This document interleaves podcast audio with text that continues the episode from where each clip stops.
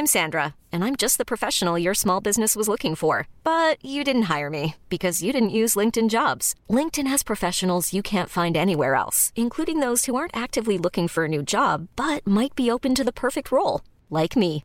In a given month, over 70% of LinkedIn users don't visit other leading job sites. So if you're not looking on LinkedIn, you'll miss out on great candidates like Sandra. Start hiring professionals like a professional. Post your free job on linkedin.com/achieve today. Hey, I'm Ryan Reynolds. Recently, I asked Mint Mobile's legal team if big wireless companies are allowed to raise prices due to inflation. They said yes. And then when I asked if raising prices technically violates those onerous two-year contracts, they said, "What the f*** are you talking about? You insane Hollywood ass." F- So to recap, we're cutting the price of Mint Unlimited from $30 a month to just $15 a month. Give it a try at mintmobile.com slash switch. $45 upfront for three months plus taxes and fees. Promo for new customers for limited time. Unlimited more than 40 gigabytes per month. Slows. Full terms at mintmobile.com. When you're ready to pop the question, the last thing you want to do is second guess the ring. At Bluenile.com, you can design a one of a kind ring with the ease and convenience of shopping online. Choose your diamond and setting. When you find the one, you'll get it delivered right to your door. Go to Bluenile.com and use promo code LISTEN to get $50 off your purchase of $500 or more. That's code LISTEN at Bluenile.com for $50 off your purchase. Bluenile.com code LISTEN. Hallå, hallå. Det här var Micke Målan. Hej. Eh, kan du testa din där Glenn? Tjenare! Välkomna till Gött podden här igen. Nu är vi igång. Hallå, hallå, hallå, hallå. Ja, men det, jag tror det är... Eh, eh, du vet, vet du Glenn, när polisen eh, stoppar en gubbe för så här blåskontroll. Sådär, man kollar körkort och alltihopa. Så, så frågar polisen, ja ditt namn? Nisse? Nej, ditt fulla namn? Ja. Nisse? Har du skrivit upp det i år? Nej! Kolla här ska du se. Kolla här. ja, kan, Men, men det här... för, för, för höra hur du drar den här. här. Eh, här, här har jag skrivit det. Kolla här nu. Ja. Här säger det full, fullnamn då. En kille kommer in till läkaren. Namn tack. Eh, Nanne Olsson. Ja men ditt fulla namn tack. Olsson! Han sa väl sitt fulla namn första gången? Ja, Nanne, Nanne kan ju vara Nils-Erik. Okej, jävla- okej. Ja, ja. Jag kanske inte är med där. Ja, det jag är ju med. Jag det är Ja, vad roligt. Ja, ja. Sen var jag jävla massa roliga faktiskt. Men Glenn, vet du vad... Vad kallas en raggare som inte har en kvinna då? Vet du det? En raggare. Som inte har en kvinna? Raggmunk. Ja, det- Ja, det är lite långsamt men kanske. det var eller? en gubbe som kom in där om dagen. Vad fan var det? Han kom bara fram till mig så drog han en historia. Så stack han igen. Han tyckte det var så jävla roligt. Han skrattade i häcken av sig. Han skrattar själv Ja. alltså. Underbart. Det var någon sån här med... Vad, vad, vad säger en... Vad säger en besök... En turist som är i Mexiko? Tror jag det var. En turist i Mexiko säger? Nej, inte Nej, en aning. En, en, en turist som åkte till Mexiko säger han. Tack och lov. Tack och lov. Nej. Taco. Ja, ja. Men tack och lov säger man inte. Det är ju- Taco Nej. är ju taco i Mexiko. Ja. lov. Vad är lov då? Mexiko som på semester. Lov. Semester. Taco och lov. Jaha, det är skolbarnen du tänker på nu då. Ja. Lov. Ja. Okej. Jag, jag tänkte mer... Jag, jag tänkte mer, vad, vad säger turisterna när de åker från Mexiko? Tack, Tack och och- hej. Tack och hej. Ja. Tack och hej. Ja, ja, ja. ja hej taco. Den var väl... Ja, Ja, ja, ja, ja, ja. Men vet du, det, det, det är så jävla skönt Glenn. Eh, hemma hos, hos eh, mig, oss, min familj. Så du vet man hör alltid polarna de, har, de får ju aldrig sådär eh, kärringen tjötar och du vet hur det är sådär då. Men jag kan säga det, jag får alltid, alltid sista ordet hemma hos oss. Ja det är sant. Är du nöjd med det? Ja, jag är jättenöjd. Vet du vad det är? Ja älskling. Ja, ja, ja. ja, ja. Då brukar det funka ja. Ja. Jag tror du skulle tycka den var rolig. Det tyckte du så. Nej, jag hängde inte med riktigt. Nej, inte så. Ja Så jävla kul. Jag får ju alltid sista ordet. Ja älskling. Ja, ja. Vi är inte bättre än så. Eller jag. Men du, innan han kommer då. Kan vi köra? Och kalendern. Ja. Den, den efter, eftersökta kalendern faktiskt. Men du. Alltså, vet du att det var två, två norska poliser som hittade ett lik i en Peugeot? ja. Har du hört den eller? ja, det var någon annan bil inblandad. Hur stavar man till Peugeot? Inte en aning. Vi flyttar dem till en Opel istället. Ja, ja så var det. Så var det. Jag fan har inte haft det. Nej, det tror jag inte. Eh, vet du vad ÖIS styrelse har gjort nu? Eller ska göra nu till våren? Det här är sant alltså, det här är sant. Jaha, det är inget skämt. Nej, nej, det här jag är inget aning. skämt överhuvudtaget. De, de ska sitta på styrelsemötena och, och eh, smörja in sina könsorgan i honung. För att... De ska söka bistånd. Han var ju rätt bra faktiskt. Vad var ju nätt? Nej, nej, nej. natt, Liksom. Men det finns Men öl fanns det. Vad sa du? Öl fanns det, det har jag Öl förstått. fanns det. och Det var jävligt billigt. Typ 15 spänn för en bira. Ja, då är det gott. Och sen Caprinja 30 Ja. spänn. Så att man lever ju så Ja, ja. gott. Maten billig. Vi gick ju här hemma och väntade på inspelningen. Ja, Vilken inspelning? Den är. Ja, ja, ja, ja. Jag trodde du menade att jag skulle spela in någonting där nere. Nej, nej, vi och väntade på dig. Ja, vi, du är ju, det är ju du som är försenad här egentligen. Ja, ja, ja. Det är det som är så skönt. Jag har lyssnat lite på er nu. Okej. Eh, och Vilka har du lyssnat på? Ja, det är de typ tre senaste. Okej. Det är helt galet ju. Ja, men jag gillar ju sånt här. Ja, jag- ja, jag gillar sånt här. Därför det, vi vet är, att det är du- från hjärtat är det. Ja, Ja, du det kommer, är- det här kommer bli skitbra idag tror jag. Ja. Jag älskar den grejen där. Jag tror det var Kalle Schulman. Det kommer så överlumpat. Så här, helt plötsligt säger någon så här. Nu sätter vi nivån. Och så drar du någon jävla ordvits. Han blir alldeles tyst. Vet du. Han blir bara... Så så här, Stockholm, så här, vad fan är det här? Liksom. Jag skrattar så på du. Han fattar ju ingenting först. Sen bara skulle han ju köra en ordvits. Så kom du med sju på samma tema. Bara, Ja, just det med bilarna. Ja, ja, du, han bara... Vad är det här liksom? Han börjar svettas lite. Ja, ja, ja. jag såg ju det framför mig bara. Ja, det är riktigt bra. Ja, det var riktigt roligt också. Ja. Men vi, vi var lite för fulla den podden faktiskt. Nu är det fredag. Nu är det fredag! Nu är det götterna. götterna. Direkt från Göteborg med Micke Månaden och Glenn Hysén. Välkomna! Götterna. Nu är det fredag. Nu är det fredag! Nu är det götterna. götterna. Direkt från Göteborg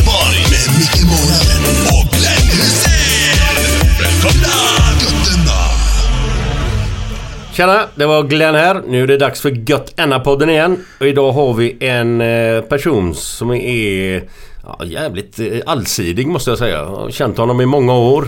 Och eh, det här är ingen mindre än Joakim Geigert. Fan vad gött att du är här gubbe! Tackar, tackar, tackar, tackar. Det är stort att vara Hur här. har du det nu för tiden? Ja, det är bra faktiskt. Jag lever ett eh, ganska lugnt, städat familjeliv eh, och jobbar eh, med... Jag har ett riktigt jobb eh, om du förstår vad jag menar. Ja, jag har hört det förut ja. Och eh, jag bor, trivs bra med min tillvaro just nu så att säga. Eh, sen så fuskar jag lite med det jag gjorde tidigare med att jobba lite med BK Häcken då i samband med deras eh, hemmamatcher då. Men jag säljer kött nu för tiden. På, vi, på vilket bolag? Ja, Johan i Hallen. Johan i Hallen. Eh, ja. Eh, fast jag jobbar ju med privathandel då. Så att du som privatkund då går in och handlar.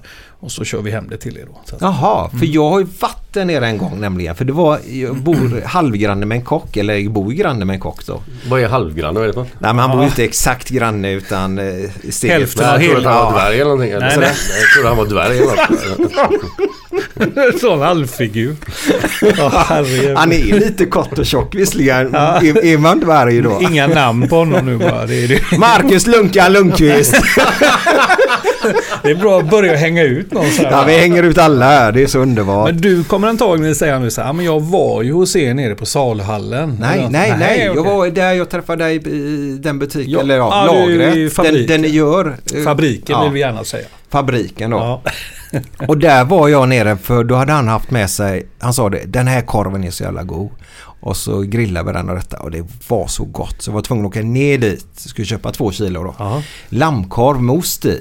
Ja, Var med det? det parmesanost i till och Ja, med. exakt. Den var så god. Så kom jag dit ner och de bara, nej men egentligen vi har ingen privatsäljning här alltihopa. Men jag jobbar, men snå och sådär. Så fick jag köpa.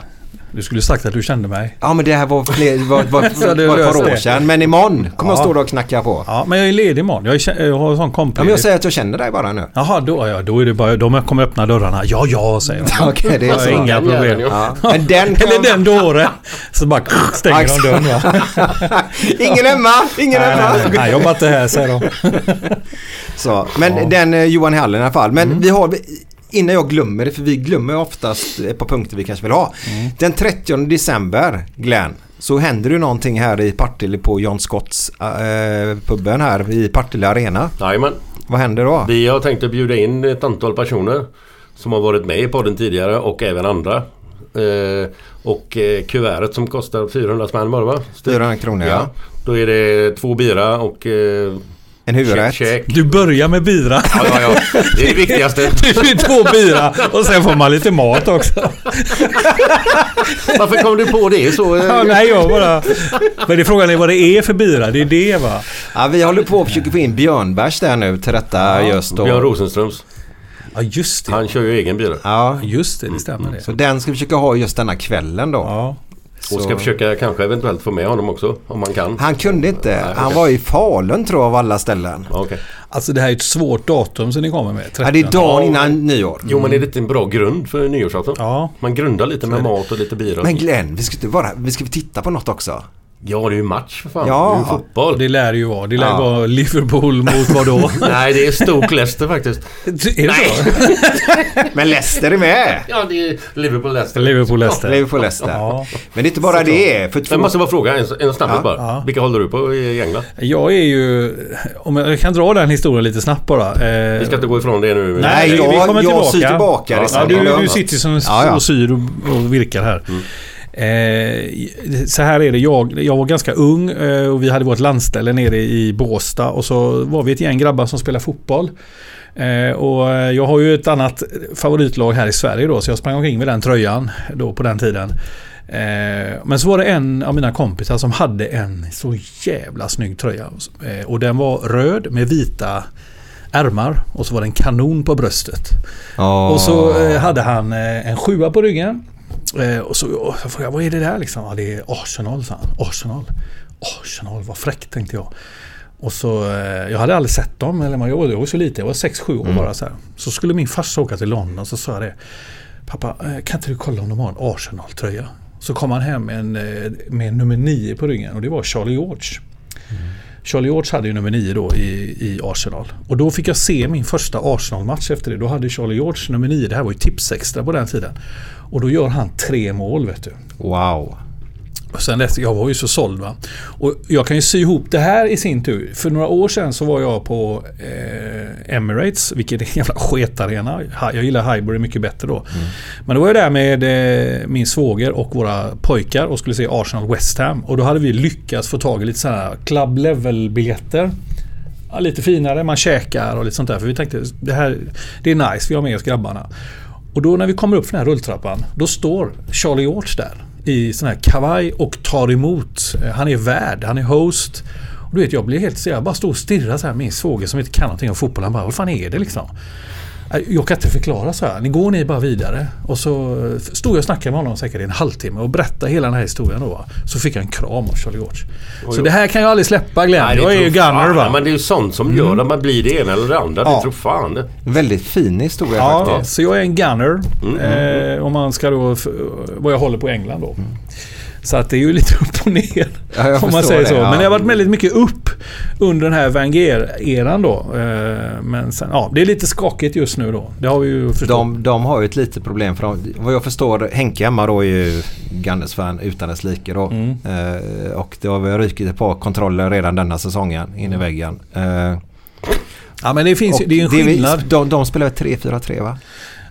Ja, de- precis. De har ju Ja. ändrat den här. Det gjorde de ju faktiskt förra året. Och Det är ju så att Wenger går ju inte direkt i bräschen när det gäller spelsystem. Men eh, när han väl ändrar någonting så gör han ju det rejält. Och, så, och, och sen kommer han ju inte rubba det på ett bra tag. Det finns ju en stor skillnad på att vara gunner, som jag då som är 60-talist, och de här nya som typ upptäckte Arsenal när de var the invincible sådär. Och det är tålamodet va. Och det, är- det är väl någonting som är med alla supportrar. Ja, ja. Vi har ju, jag menar, det var ju, alltså ett tag var ju länge sedan Arsenal vann någonting och sen när man då vann en FA-cup eh, då, då blir ju vi jätteglada medan de, nej men vi måste vinna Champions League va. Men för mig är FA-cup, det är ju en alltså jag blir ju jätteglad för Ja, det. den var Fan, fin. det. Ja. Ja. Det var ju Kim med och vann förra ju också. Ja, han slog in en straff. Ja, exakt. Det. Ja, I Kim. den, i den fa Ja, han, ja, ja. Ja, den första. Var han bara över i en kort period eller? Ja, ja, det var ju- En halv säsong eller en säsong eller hur Ja, var det? Jag hörde ju hur han blev värvad. Han berättade ju det i en... Eh, Det var säkert Olof Lunds post. nej, Nej. nej, det var ju det här eh, Sommar. Han var ju det, sommarpratare. ja. Ja. Han berättade hur, hur allt det där gick till. Och det var ju rätt eh, fascinerande för han var ju skadad. Och han fick ju stå ungefär som ett... Så kommer det in tre läkare så här. Och så sitter de där. Så sitter Wenger och helt tyst och så ställer de massa frågor. Och du vet han, det här går ju åt helvete liksom. Och så de bara nej. Och så de bara visade skaderapporter. Han är ju helt trasig. Va? Det här kommer ju aldrig gå liksom. Och sen går alla bara därifrån. Och så tänkte jag, jaha nu är det kört va. Och sen så kommer, eh, kommer någon in och säger så här. Du vi har ett problem här. Vi får inte tag i någon annan spelare. När är du frisk? När blir du frisk liksom? Wenger undrar när du blir... Ja men, det, ja men vi köper dig då. Så han, han har sån jävla flyt. Han var ju skadad. Eh, och sen fick han ju då, precis som du säger, hoppa in i den här finalen. Han fick till och med... Och så, eh, så var det ju så här att det blev straffläggning i... Vilka mötte de den final? Ja, det här var ju semifinalen. Ja, det är semifinal. Då blev det ju straffläggning. Och han har ju precis hoppat in så han har ju spelat så här en halv, en, en halv förlängningshalvlek, 15 minuter. Och så blir det straffar. Och han har aldrig pratat med Wenger direkt så här. Och så helt plötsligt kommer Wenger fram till honom och säger Kim, kan du slå en straff? Ja, ja då tar du en straff, säger han bara. aldrig liksom. Och så, han, och så kommer han, han berättar ju det, han går ju fram där och ställer sig och det är liksom en vägg med supportrar va. Han har aldrig varit med om något liknande och så tänkte han, hur fan. Och så tänkte han så här, jag ska slå den i längst, vad fan, om han är vänsterfotad. Jag ska slå den högt vänster tror jag han sa. Högt vänster. Det här kan ju vara tvärtom. Någon kan rätta mig nu. Ja. Högt vänster, högt vänster. Han bara tänkte högt vänster. Och bara sikta, tänkte och så går han fram och slår den lågt höger. Och den sitter. Och målvakten slänger sig. Och, du vet, han hade sånt jäkla flyt. Ja. Och allt det här sker i ett töcken säger han. han- Sen efteråt fattar han ingenting. Allting har bara skett i ett enda töcken. Häftigt. Hur ska du sy ihop detta nu då? Ja, ja, Ja, men du, måste det gå du måste gå tillbaka till eh, 30 december. Ja. Ja, men, Nej, men- vi skulle ju se det med, med just det Ja. eh, tucknet. Vi ska också in i tucken den Ja, kvällen. precis. Ja, efter ett tag blir det nog så. Ja, exakt. Men på din fråga, Gunner. Ja. Jag är en gunner. Ja. Eh, så att eh, visst. Men jag är en sån där gunner som eh, uppskattar Liverpool, uppskattar Manchester. Alltså jag, jag gillar ju att se de här stora matcherna. Jag Ja, har liksom ja. inget sånt där. Det är klart Spurs klarar jag inte riktigt. Men, Ja, det är alltid så. ja, men, och det är inte för att jag, jag hatar dem inte. Utan jag, jag, jag mår bara dåligt när vi spelar mot dem. Sen kan jag uppskatta... För att ni det. får ofta stryk eller är det därför? Nej, eller ja nu på sista tiden har det varit så. Men just den här att man måste vinna de här matcherna. Det är som Liverpool måste ju slå United. Ja, ja, ja. Det, det, det jag, nu borde jag filmat dig Joakim för du är över micken nu. Okej. Du är över micken. Du var inne i Glens mick där nästan. Jag blir Men jag gillar det. Nästan mota bort honom. Energi kallas det och Glenn du får ta fram en gunner snart och skjuta av han armarna här nu för han sitter och bankar i bordet Ja. hela tiden. Ja, ja, det är inte bra. Det är mycket som ska hända. Men vad kul att se. Du, Ja. du glöder verkligen Ja, jag är väldigt, ja, men jag tycker jag är passionerad. Fast på ett bra sätt kan jag tycka då. Mm. Ja, ja, ja. Ja, ja. Du, din fru behöver inte köpa några nya fjärrkontroller då som vi får göra hemma. Så förbannad blir jag inte. Jag kan ju bli arg och så. Men jag, är- som min son är ju sån där. Han håller ju också på Arsenal. Men han kan ju liksom gå... Om Arsenal, om det blir 0-1. Då kan han gå därifrån. Då, går, då lämnar han liksom... eh, Hur gammal är han? Han är ju 22-23 nu liksom. Så det är ju inte det. Men han... är det du som har bonkat in i huvudet på honom? Ja, att bonkat in, Arsenal? Så ja. det- han har inte fått välja själv eller? Jo, det kan man väl säga att han har fått. Ja, visst. Med en gunner Så du menar, att- du menar att Tobias, eh, din son då, och Anton och Ja, alla de här. De ja. var bara helt självmant Jag har aldrig tvingat dem till någonting. De har sett en massa tröjor och grejer som hänger Ja, men det är ju ett sätt att hjärntvätta. Det är ju hjärntvätt. Det är ju det.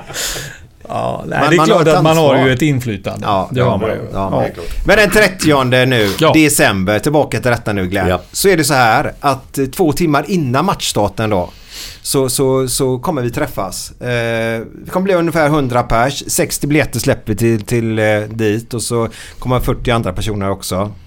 Eh, och så ska vi helt enkelt ha lite frågequiz. Yes. Frågor... Vad heter det? Så nu, han har nog problem med att säga quiz nämligen. Quiz? Han brukar säga quiz. Quiz. Quiz, ja, quiz. Ja.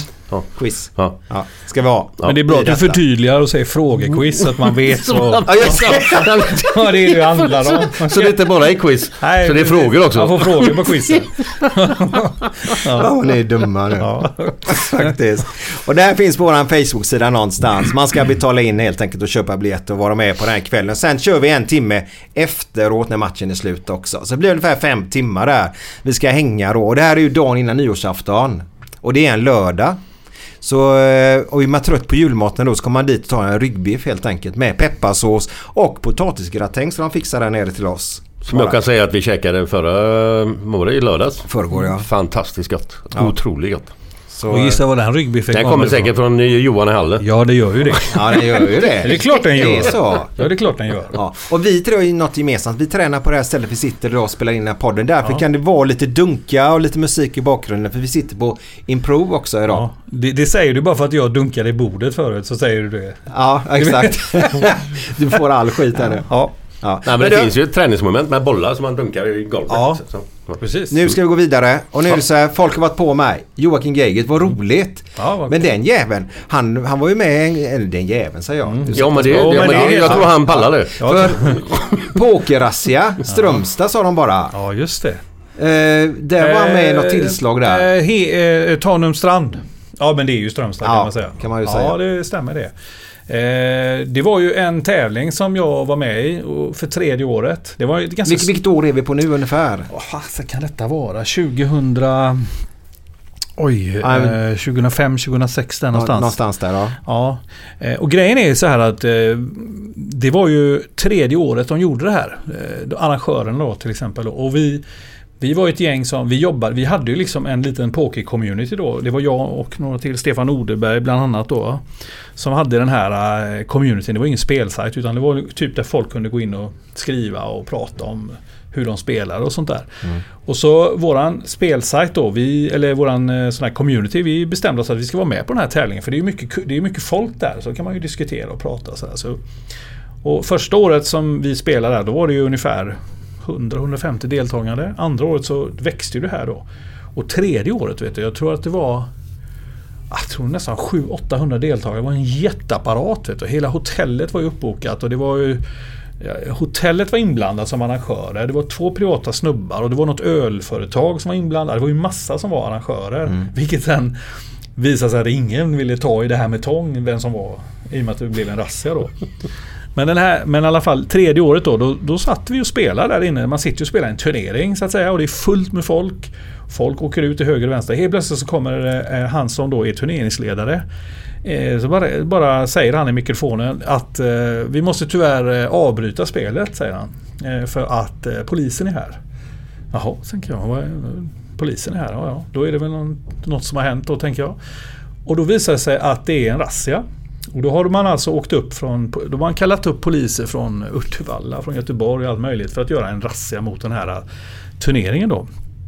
Och eh, turneringen i sig är ju inte olaglig. Utan, Ja, det var det jag tänkte, vad fan är det olagliga saker? Vad Nej men det var ju det att de, så här var det. De, de tidigare åren då så hade de gjort att när, när folk åkte ur turneringen så öppnade de ju sådana här kontantspelsbord eller cash games att folk kunde spela cash. Det var ju olagligt, det var förbjudet. Att du växlade in pengar till marker och spelade med varandra. Så, ja. Och det var ju det här då som de ville ingripa mot. Det var det att poliserna, de poliserna som var där och gjorde razzian så att det var 25 poliser. Varav, då var det tre som fattade grejen. De andra liksom bara ja, poker, razzia. Ni får avbryta här nu ungefär. Och det, några satt ju civilt vid borden. Jag hade ju en polis vid mitt bord som hade suttit och spelat i tre och en halv timme. Som bara, helt plötsligt då, så tar han på sig en gul väst. så det står det polis på. Och jag bara, vad gör du liksom? Ja men det är ju razzia säger han så här. Jo jo men vad fan, har du med en sån här väst liksom? Ja jag är polis säger han. Men var han med på detta? Ja, ja, ja. Så Så, de han var hade ju med, att han några satt stycken. där och, som undercover liksom? Eller vadå? Eller, vad? precis. Aha. Ja, usel pokerspelare vill jag ju säga då. Ja, men, men, men jag bara tänker så här. Är, det måste, varför var det inte olagligt för då? Ja men... Eller var Det var det, var det är det. slutet sällskap då? Ja eller? precis. Man, det är ju det här med... Helvete vad de spelar just nu va? Ja, vi det, är, på. det är någon som Ja, kör ja, någon vi- Vi, ber om ursäkt Ja, det är ingen fara. Ja, ja, det är då. Hoppas ni klarar av det. Det är, eh, det är ju... Alltså det är ju... Och det var så länge sedan så jag höll på mycket med det här med... med eh, eh, vad heter det, Lotteriinspektionen och, och det här statliga monopolet och vad som är lagligt och vad som inte är lagligt. Men om du spelar en turnering eh, i ett slutet sällskap så är det ju lagligt att spela. Eh, speciellt om insatsen är eh, 100 kronor eller mindre till exempel. För då spelar du bara om den här hundralappen. Sen kan du spela i, ända ner till finalbord eller inte. Men du förlorar bara den här 100 kronor. Du vet att det är bara de här 100 kronorna de kommer förlora. Spelar du cash game där du hela tiden kan, när du förlorar dina pengar, sätta in mer. Då är det ju en högre risk så att säga. Och det är olagligt då. Och den här turneringen hade ju en eh, hade ju då medlemskort till alla som var med. Så när du anmälde dig så blev du medlemmar i den här pokerföreningen i Grebbestad då. Eh, och eh, ja, så att eh, det, det är ju en gråzon är det ju. Ja, De, blev ju, de fick ju, grejen var att arrangörerna, det var ju två killar, de fick alltså fängelse till slut. Och Då kan vi säga att det inte var lagligt. Nej men det alltså- var ju för det här cash-gamet då. Okej. Alltså, för det var ju mycket pengar i rörelse där. Eh, och de fick sex månader en kille. Men han blev friad i... i de, de alltså, hans advokater tog ju upp detta i hovrätten. Hovrätten friade dem och sen, gick, sen så tog ju då statliga monopolet och de tog det ännu högre upp. Men där ville de inte ta det längre. Så han fick ju då kompensation för detta. Och det roliga var att det var ju en öl, ett, ett bryggeri inblandat. Och även Tanum Strand själva var ju inblandade. Men de kröp ut duktigt bakvägen när det här blev liksom en stor apparat. ja. Ja, kan det ha varit Grebbestad bira då eller? ja det kanske kan vara. Jag vet inte. det låter ju rimligt. Ja, jag, men jag, jag tror till och med att det är en större jätte som var Jaha, en större grej. Ja, det, okej, vi okej, pratar okej. om de här stora drakarna. okej. Eh, Det är ju så att det här stället då kanske hade en lokal ölsponsor då. Det kanske var dem då. Men kontentan var att vi var ju flera. Jag menar Markoolio var ju med på den här turneringen också. Och, och det roliga var att Dagen efter så står det alltså i Aftonbladet att Joakim Geigert och Markoolio i knarkrazzia. Knark. Mm, knarkrazzia. Och jag tar ju print screen på det här. Eh, min mamma ringer ju mig. Ja. Joakim, vad är det du har ställt till med? Och jag bara... Vänta lite, ta det lite lugnt där. vad menar du liksom? Knarkrazzia, vad har du gjort? Och jag bara, fan är det här liksom? Så jag går in på Aftonbladet precis då, så den ligger ju kvar va? Så jag hinner ju ta print screen på den. Eh, sen visar det sig att, eh, och sen så skriver jag ett mail till eh, som han som är chefredaktör och ansvarig utgivare, jag kommer inte ihåg vad han hette nu. Eh, först ringde jag ju Marco eh, och, och har du sett vad fan det står i tidningarna? Va? Han bara, nej vadå vadå? Vi har varit inblandade i en knarkrazzia du och jag. du. Han bara, vad fan du vet, han tände ju på alla cylindrar. Så innan du gör någonting nu så vi ringer och snackar med dem då. Och då fick de ju gå ut och dementera det. Eh, och, och direkt då. Så att, eh, det var lite kusligt där. Men eh, jag, vi, jag var ju där som en av alla andra tusen, eller vad det var, 800 deltagare. Eh, att det blev en razzia tycker inte jag var något obehagligt. Det var lite tråkigt bara för jag tycker själva arrangemanget var bra. Det var en bra turnering, det var bra skött. Eh, för de som är pokerinsatta, det var en bra struktur på själva spelet. Det var liksom en... Ja. De gör det, gjorde det verkligen Ja. bra men eh, ja. Men du, du har ju varit insatt i den här branschen lite grann. ja lite. Eller mycket kan Ja, man mycket säga. skulle man kunna säga. Du, var du professionellt pokerspelare någon gång? Jag skulle inte vilja kalla mig professionell men i och med att vi var attraktiva. Vi hade ju en, en community med eh, 10, 15, 20 tusen medlemmar så var vi attraktiva för spelbolagen givetvis och annonsera och sånt där. Och eh, några av de här spelbolagen ville ju då sponsra oss. Vi var, vi var ju duktiga att spela också. Mm, är det här med ProShark eller? eller? Precis. Ja. Ja. Eh, och vi, eh, vi var ju attraktiva då eh, i och med att eh, menar, om Unibet eller någonting annonserade hos oss så var det ju många som fick nyhetsbrev, någon erbjudanden och sånt där. Så att vi var ju attraktiva att annonsera. Och därför ingick vi då i... Eh, jag gjorde också ett tv-program som heter Pokermiljonen och det var Unibet som var eh, sponsor till dem. Så då blev det att jag spelade lite på Europatouren för under deras flagga så att säga då. Och då gick det bra dessutom. Eh, och sen efter det så eh, blev det ett annat... Eh, det var Christer och Birgitta, vad heter de nu? Ja, de bor nere i Skåne där. De är ju, Johansson, de, de var ju pokerproffs. De hade en sajt som heter Pokerdax. Och de gillar, gillar ju det här med att vi var duktiga och att vi hade liksom våran sida. Så de utnyttjade detta genom att gav oss ett kontrakt att vi skulle åka ut och spela vissa Europatour-tävlingar och SM och lite sånt där då. Och det var ju där jag placerade mig då i Barcelona till exempel. Då. Då Ja, kom- du blev femma i någon Ja, jag tredje blev femma i, eh, på deras Europa... Mm. Vad snackar vi för pengar då? Det var, det var femte priset var 1 300 000 ungefär. Mm. Oh, jävlar. Och då är det så att då var du, spelade du för dam. Hur många Ja. procent fick du behålla själv då? Jag fick behålla... Eh, så här var det. Eh, Dealen var 50-50. Fast de behöll 40. Den 10 procenten som de inte behöll. Den delades ut i en slags pott till övriga i teamet som deltog i samma tävling. Ah, okay. ja. Så att eh, det skulle ju vara så att om, om jag åker ur en tävling så vill jag ändå Att det går bra för heja någon lite för, Ja. på de andra så att man är, man är kvar lite. Ja, det är så team, det, helt det, det bringade in 30 000 var till alla de andra i teamet. Mm. Kan man säga att jag kom så långt då. Men du Stefan Olderberg, vad- spelar han också eller var han bara med i... Eller? Han var inte med i detta teamet. Han- Han var inte så... Stefan, var Stefan är oerhört skicklig på poker ska ju tilläggas. Men det var inte hans grej då eh, att spela med det här. Utan det var jag, en kille som heter Mattias från ProSharks och så var det eh, två andra killar också som var...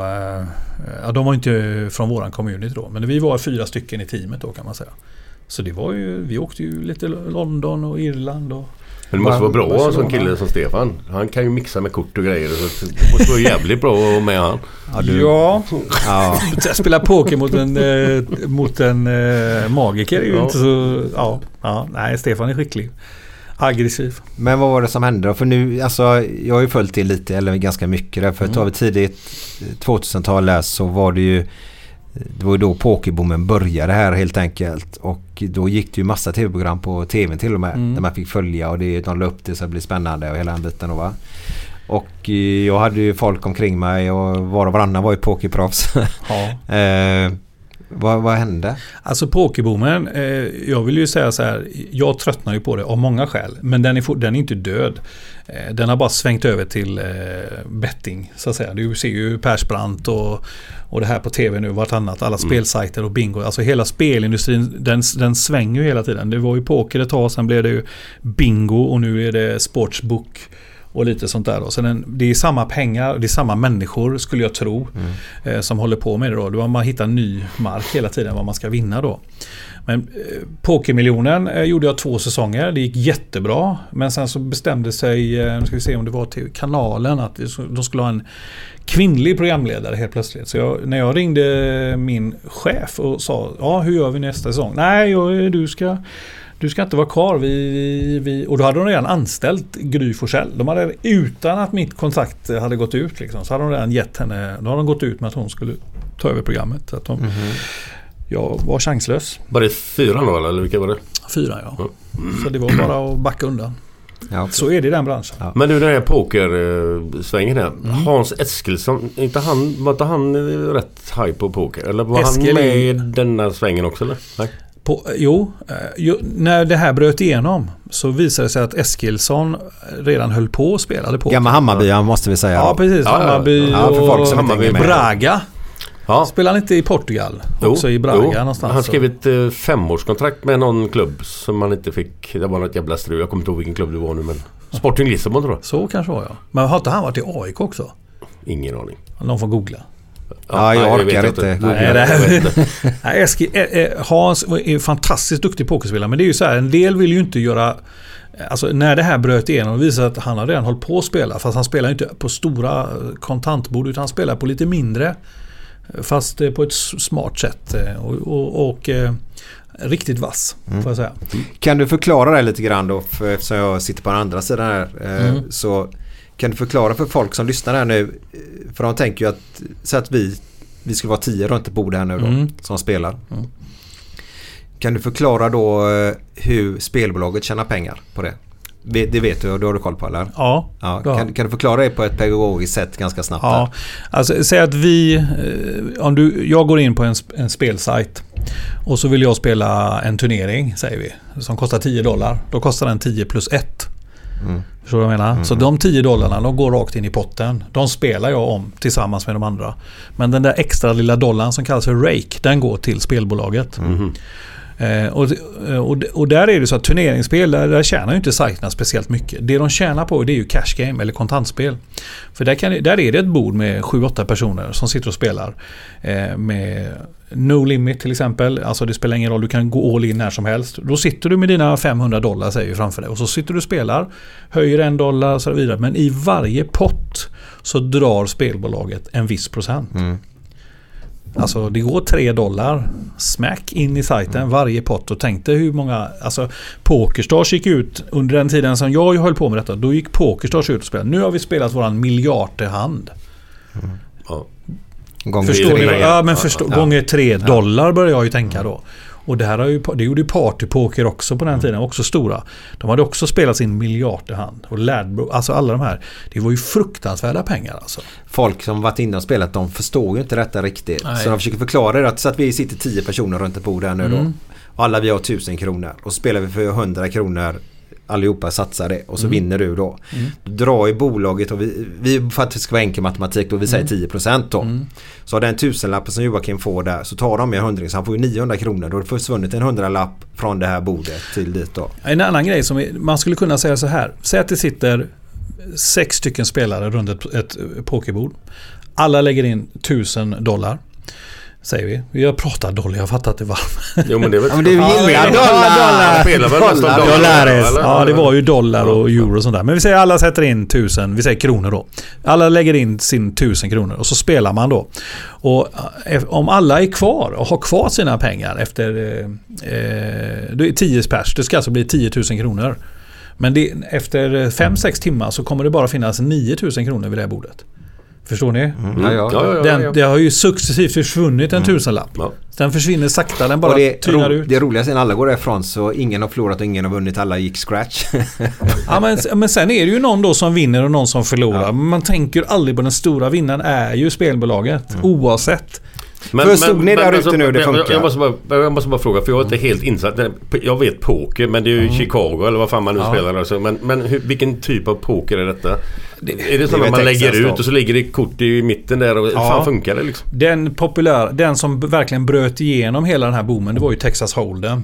Och det Tex- innebär att... Ja, det är ju, ja, först får alla två stycken kort. Mm. De är dina. De, oj, de håller du för dig själv så att säga. Så de, eh, de tittar du på. Sen lägger då dealen upp en flopp med tre kort. Nu har du plötsligt en femkortshand. Mm. Eh, sen så kommer det ytterligare kort. Så du kan göra en kombination med fler kort så att säga. Under tiden för varje bettingrunda då så kastar man in ännu mer Så lägger man då. kulor emellan. Ja, och sen kan man också spela eh, taktiskt genom att få de andra att lägga sig. Alltså skrämma bort och höja. För att lägga in mycket pengar då. Bluffa Ja, då helt enkelt. Ja, ja, Ja. Eh, Men det är ju den biten. Mm. Men eh, vi har ganska bra koll på det. Jag hoppas lyssnarna fattar lite grann hur spelbolagen Ja. tjänar pengar på det här just Ja, det. verkligen. De tar en procent på varje pott som, eh, som går ut hela tiden. Ja. Så eh, grattis alla spelbolag. Eh, Boomen försvann ju i alla fall fast de har gått in på andra spel som du säger då. Spelarna finns kvar Ja. och eh, de har gått vidare nu då. Och där är det ganska intressant eftersom vi är idrotts, vi gillar idrott alla vi tre Mm. sitter här. Så kom det nya siffror. 11% och du vet folk som har spelberoende ljuger ju väldigt mycket. Ja. Underhåller sanningen. Men elitidrottsmän nu. Nu snackar vi basket, handboll, fotboll, bandy, hockey. Vad det tror de har gjort. Och då pratar vi bara männen nu då. 11% av de som spelar i Allsvenskan detta nu har spelproblem. Är problemspelare då.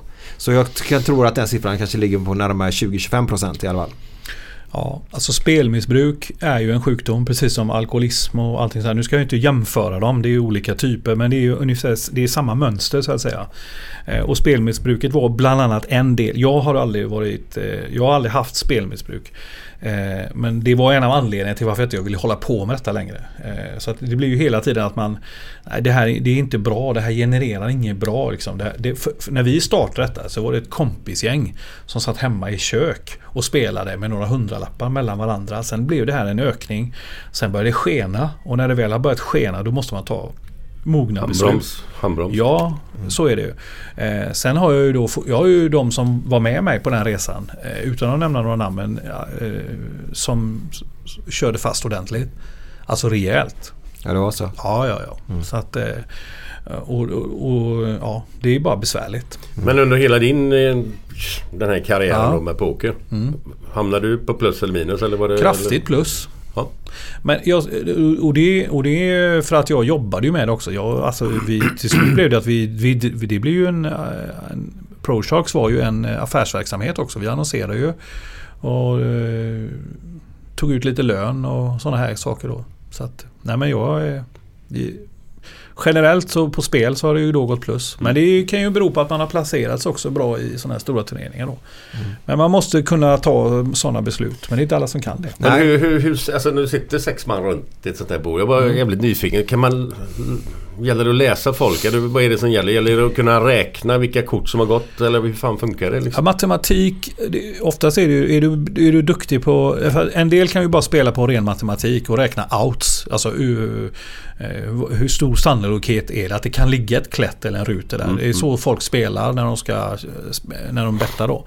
Sen finns ju de som eh, spelar bara med eh, pengarna, aggressivitet. Liksom, om, om du sitter, om, och jag märker att du är en passiv spelare och du kanske har en bra hand. Men om jag bettar så pass mycket så jag märker att du vill inte ta Så den risken. inte- nej, nej, nej. precis. Så det är ju lite det också. Eh, och jag var nog en sån spelare. Eh, alltså även om du spelar turnering. Eh, så innebär inte att om jag betalar 100 kronor och så får jag 10 000 i chips att spela för. Då är jag med i turneringen tills de här är borta så att säga. Då är det ju last man standing. Så är det ju. Han vinner turneringen då. Men då gäller det liksom att eh, förvalta de här chipsen då. Att eh, spela till sig motståndarna så mycket som möjligt och försöka slå ut sina motståndare hela tiden. Och där var jag väldigt aggressiv så att säga. Kan man säga. Men är du inte Spännande. aggressiv normalt eller? Nej. Jag är en ganska snäll kille. Jag är en väldigt snäll kille faktiskt. Eh, Det måste jag tillstå. Ja det är bra. Vi bjuder bara in snälla människor. Ja, jo, jag har förstått. Ja. Ja. Och jag gillar öl också. Det är, Ja, det hoppas jag är det är bra. bra kombo här nu. Perfekt. Ja, för fan. Det är skitbra. Men jag tyckte det var intressanta siffror där med, eftersom vi pratar idrottsmän då som har gått ut faktiskt och sagt att de har spelberoende just att vad du presterar på planen. Så vi har ju sett många duktiga idrottsmän. Varför presterar han inte för? Varför kommer han till den här klubben bli så dålig? Kom till en storstad, fastnar på kasino kanske då eller på nätterna, ensamheten, ja, you name it då. Ja, ja, den som ligger närmast är ju Nordin Gerzic. Ja, Ja. vi hade ju han i podden också. Ja, just det. Den hela borde du lyssna på faktiskt. Den är Ja, ja det, det ska jag göra. Det hela, men hela den storyn, när det väl kom ut, det var ju mycket som exponerades i tidningen och han verkligen var, öppnade upp sig då också. Eh, var ju väldigt stark, så att säga. Och, men han har ju tagit tag i det bra nu, har jag förstått. Ja. Han var ju med när det kom ut det här 11 procenten bland elitidrottsmännen. Var Ja. han med på nyheterna Ja. och pratade om detta Mm. faktiskt då. Eh, och det här är ett manligt problem då. Hos kvinnorna var det 1% bara som hade problem. Men Mm. kvinnor, nöj- det vet du säkert också Joakim. Vi män gillar ju där våran kunskap ska komma in. Vi tror att vår kunskap ska göra att vi ska bli rika och vinna då. Mm. Så Medan kvinnor li- förlitar sig mer på turen då. Ja. Eh, Det är därför min fru alltid lämnar in en lottorad. Exakt. Jag blir så förbannad. Hur, hur tror hon att hon... Och, och det är så här att då ska hon lämna in samma rad som hon har spelat. Och då tänker jag så här, men varför liksom? Ja, men tänk om. Tänk om den raden går in och jag inte har spelat den. Så lämnar hon in samma rad, sju, åtta siffror eller vad det är, varenda jävla lördag va. Jag tror min mamma har fem rader som hon lämnat in sedan tidigt 80-tal när vi började. Och vad är det för fenomen? Jag pratade Ja, med, men hon kan dem utan till nu. det, jag pratade med Ja, en Det är gubbe, det som är problemet. jag pratade med en, en, en gubbe igår som man känner ganska väl. Josef. De hade vunnit 3,4 miljoner på Lotto. De har haft samma rad i 10 år. Nu vann de 3,4 miljoner. Nu var de visserligen 10 stycken. Men vad fan då? 340 000 på man. Så, så du menar jag kan inte stoppa den här min fru? Ja, men det finns ju en chans likt förbannat alltså. ja, nej. Det är ju detta de lär. Du, du, Jag är till och med, underbart. jag har ju till och med varit för fan trisslotter. Jag var Hur- uppe i Stockholm och skrapa i TV. Ja, hur var det? Ja det var ju helt sjukt. Alltså, Det är ju en dröm att få sitta där. Ja visst, men jag fick ju 50 000 då vilket var... Det är ju bra Men pengar då måste jag liksom. bara fråga dig. Blev du besviken? Jag så in i helvete. Alla som sitter och håller masken. Nej, nej, nej, jag såg Bara, till. Vad fan, "Åh, kommer ja, vad kul." Ja men jag blir 50 irriterad på 000. dem som Ja. vet, du, jämte. Ja men det var väl roligt. Det var inte roligt. Vad ska du göra för 50 000 50 000? Ja. De Åh. 25 000 gick dagen efter med min systers eh, son. De hade träningsläger i Göteborg med Ja. deras lag från Borås. Ja. Så jag var ute och bjöd dem lite där. 25 000 gick åt helvete direkt. Ja, vad trevligt. Ja, du, ja. Jag hörde ju, eh, vi pratade om detta. Var det inte så att veckan efter någonting så ändrade de att minsta var 100 000? 100 000, ja, två veckor senare tror jag det var. Någonting. Efter att du hade... Ja, då, hade det var, då var det 100 000 Ja, nu har varit då, hade jag kunnat, då hade jag kunnat vara lite nöjd i alla fall med 50. Ja, Du skulle sjukskrivit dig ändå. ja precis. Nu, nu har Glenn varit här, nu höjer vi till 100. Ja, men du, vi måste gå vidare. Det är dags för fredagskänsla. Japp. Måndag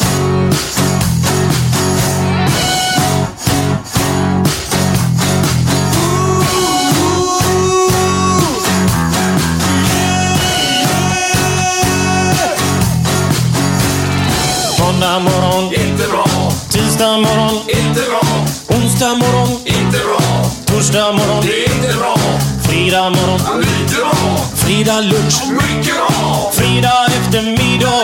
Underbart! After work med karaoke. Man får en öl och pyttipanna. Fredag kväll och livet leker. Man kan inte säga annat än att jag har det gött nu!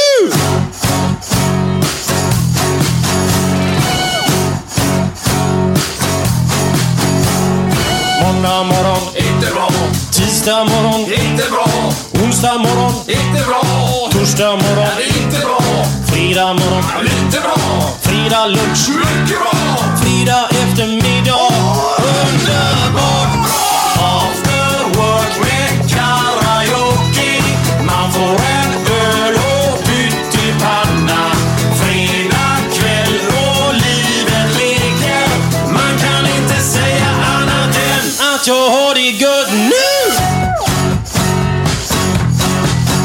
Men vi kör vidare. Jag Ja. vet inte, eller har du jättebråttom? Nej. Nej men då så. Då är det verkligen lugnt. Fan vad gött. ingen, Jag kan sitta här länge. Ska vi fortsätta inspelningen där nere eller? Var du nere i, i John Scotts? Oj, jag har bil. Ja, jag skojar. Jag ringer min son, kom och hämta mig. Ja, hur gamla är barnen? Eh, ja, det är ju, de är, jag brukar ju faila på att säga ålder för de blir ju alltid ett år äldre. Ja, så jag, jag säger vet. 91, 93 och 94. Ja, du är, ja det är bra. Man säger åldrarna så Ja. istället. Ja. Men du, du spelar med Näset och det är föräldrar ute då eller? Ja, det är ju två, jag har ju två, de två första är ju tjejer. Eh, de var väl inte så... Båda har ju givetvis då någon gång hamnat vid Näset SK. Eh, kör vi nu eller? Vi Ja, vi kör. Men det- Vi kör. Ja. Vi Ja, kör. jag trodde inte vi gjorde det, för det här är väl roligt att höra live. liksom. Ja men vi kör då. Vi kör på nu. För jag Ja, spelar ja. in nämligen. Ja, ja, men jag börjar så, då. Så vi kör Okej. på. Vad hette låten bara? Ja, det var ju den här After Work med Björn Rosenström. Fan, vad fan vilken god låt. Alltså det är fantastiskt. Gillar ni den varje gång? Ja, ja, ja. Ja, ja, ja. Det är ju den man går Det är ju igång på. fredag varje gång Den man går igång på. Måndag morgon, Ja, inte ja. bra. Nej, så är det. Så är det. Den måste du lära dig. Ja, det kanske är så. Sen har vi en låt till som kommer lite senare sen också. Okej. Mm. Ja. Får vi se vad det blir. ja. Ja det vet du säkert Joakim. Men ja vi vinner där. Dina döttrar lite grann i, näset där. Ja, eh, inte lika eh, för att återskapa till det här med att eh, påverka sina barn. Eh, med vilka lag man håller på. Min fru är ju eh, Hon är ju ursprungligen från Montenegro men hon är ju uppväxt i Göteborg så hon håller ju på Blåvitt för det gör ju alla. Och hon håller på Manchester United för det gör ju alla. Inte många, nej. Nej men mig. eh, hon gör det i alla fall. Och det är tragiskt. Ja, det tycker jag också. Ja. Men jag har ju kärlek för ett annat lag eftersom jag är född i en annan stad. Eh, Och då är det så här att mina flickor, jag har ju alltid sagt så här. "Ah, De får välja vad de vill. Du vet sådär. Men min son skrev jag in ganska tidigt. Och jag kan dra den historien bara lite. Så här, när jättegärna. jag föddes. Eh, jag är ju född i Stockholm. Eh, och min farsa tog ju mig alltid på, på Hovet. Eh, och kolla på Djurgården och, han, eh, och, och kolla på Stockholms stadion och kolla på Djurgården. Det var ju Knivsta Sandberg och hela det gänget. Eh, och så när jag föddes då var Lars-Gunnar Björklund eh, ett par dagar efter och besökte BB och blev min fotbollsgudfader. Oj, vad Ja, stort. för de gick ju på fotbollen tillsammans det här gänget då. Va? Så farsan var ju hedersmedlem. Det, det är inte så många som vet det men han var hedersmedlem i Djurgården i 40 år. Alltså, men det är ju det enda man förknippar han med. Det är ju Gais. Ja fan. precis. Och det finns ju en annan historia till det. Det var när vi väl flyttade hit och då blev det att han tog Gais som sitt lag. För de var lite underdogs.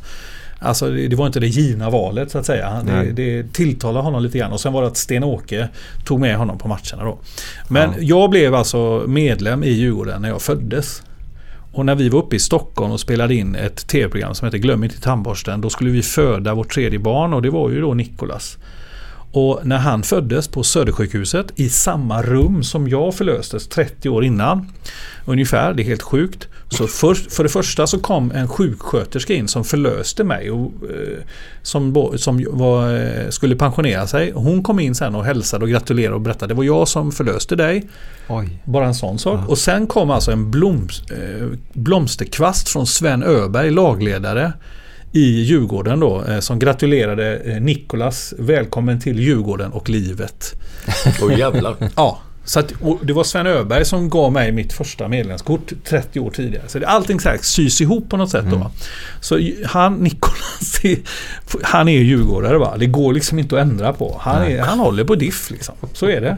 Han bor här i Göteborg och alla, vad fan håller du på Djurgården för? Och det frågar de mig också. Men det, så är det va. Men den, återigen, det är ju nummer två i vackra historier här idag faktiskt Glenn. Ja, ja, ja. Den var jättefin ja. Ja, men, det, och, men då är det så här, tjejerna då. Och då, och då säger här, men du kan ju inte hålla på och påverka dem. Och du, så här, du, du, ska inte, du ska ju inte bestämma vad dem. Nej, jag har inte så här, Tjejerna, Natasha och Daniela, de får hålla precis vad de vill. Du får fråga dem vilka de håller på. De får hålla precis vad de vill.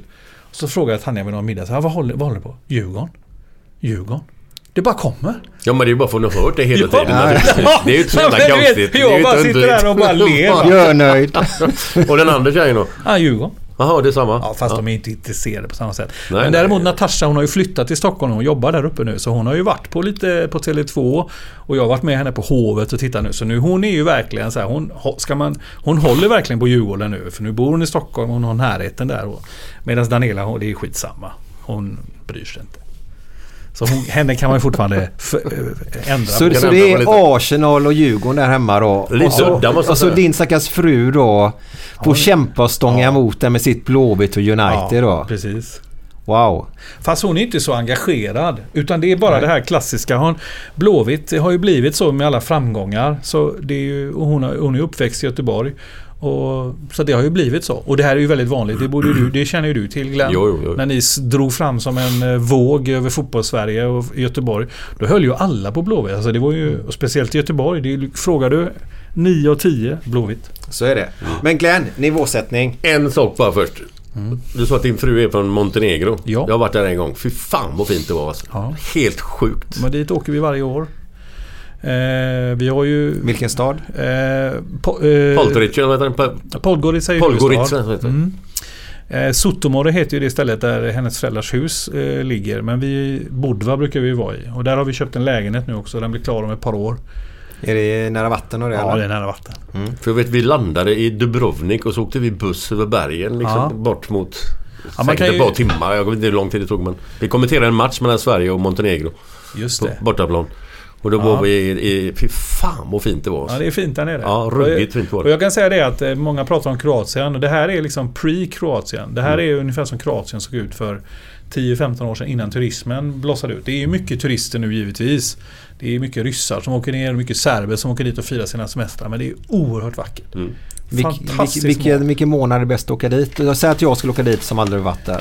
Jag skulle undvika juli. Ja, det är varmt. vad du Det ska- är varmt. Ja, men det är så mycket folk. Ja, okej. Det är alltså eh, det är knökat överallt. Mm. Eh, juli och halva augusti ska man undvika. Det bästa är egentligen att åka i juni. Vi åker varje juni.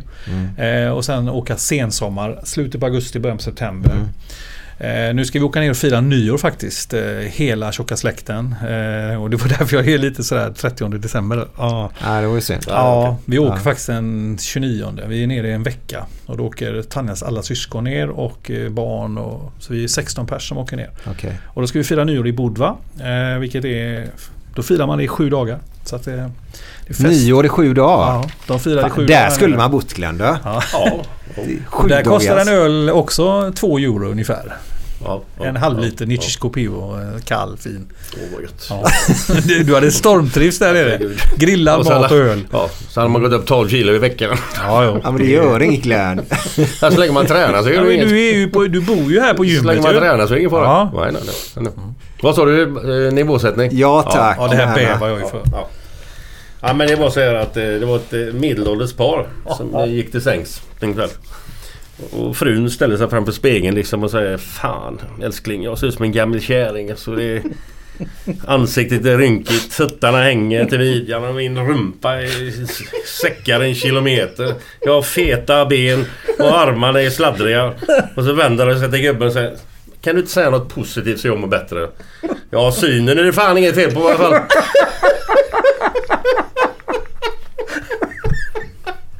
Du, jag följer ju Glenn på Twitter och det är fan inte... Det går ju inte va? Ja, den var ju bra Glenn Ja, faktiskt. men det- Underbart Ja, idag. brukar, brukar det inte vara det eller? Nej. Jo, men Nej, dina one-liners på Twitter ibland vet du. Det är ju... Åh herregud. Ja. Ja, vad bra Glenn faktiskt. Underbart. Ja. Men kan vi inte gå tillbaka för du sa 30 år där. 94, din, din son då föddes. Sist, ditt sista barn. Jag måste gå på toa bara snabbt. Ja, det är... Det är, Ja, ja absolut. Vi kör på. Ja. Eh, Det är så bara sånt här som händer i den podden. Glenn går på dass helt plötsligt. Ja. Han borde ta med mikrofonen in på toaletten.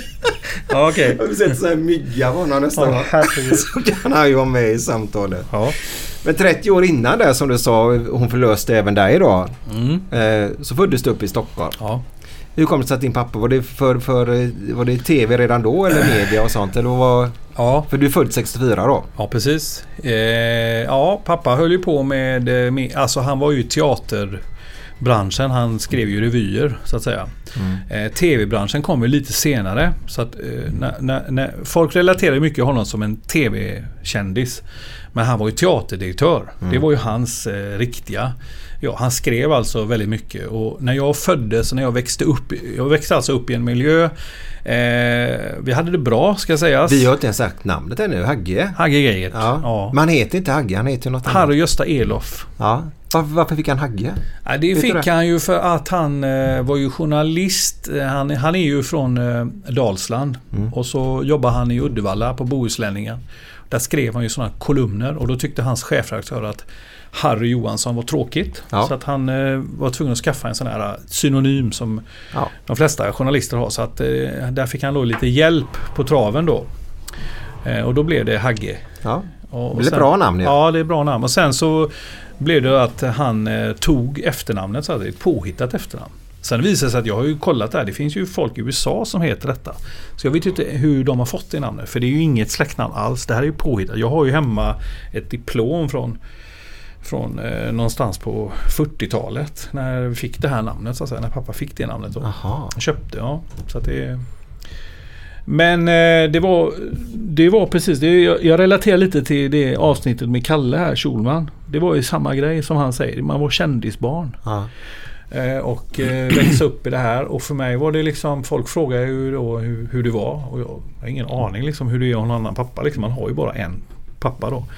Eh, så jag hade inga problem med det där. Men min syster hon hade det riktigt jobbigt. Så det, hon var en av anledningarna att hennes problem då. Hon blev ju mobbad i skolan för det här. Och hon För att, för att, För att hon hade en känd pappa. var Ja, typ känd. så. Men Oj. hon, och du vet, hon var ju... Hon gick i fem, fyran, femman där. Och Jag gick väl i tredje klass och så här. Jag, för mig var det inga problem. Eh, men, och då var det så här att... Alltså han var ju ett halvår var han i Göteborg.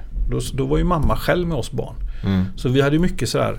För att, för att deras äktenskap skulle funka någorlunda så var det ju mycket så att vi fick ju ha en sån eh, nanny ibland. För att de skulle kunna, när pappa var hemma så de skulle kunna umgås och gå ut och göra grejer och sånt där.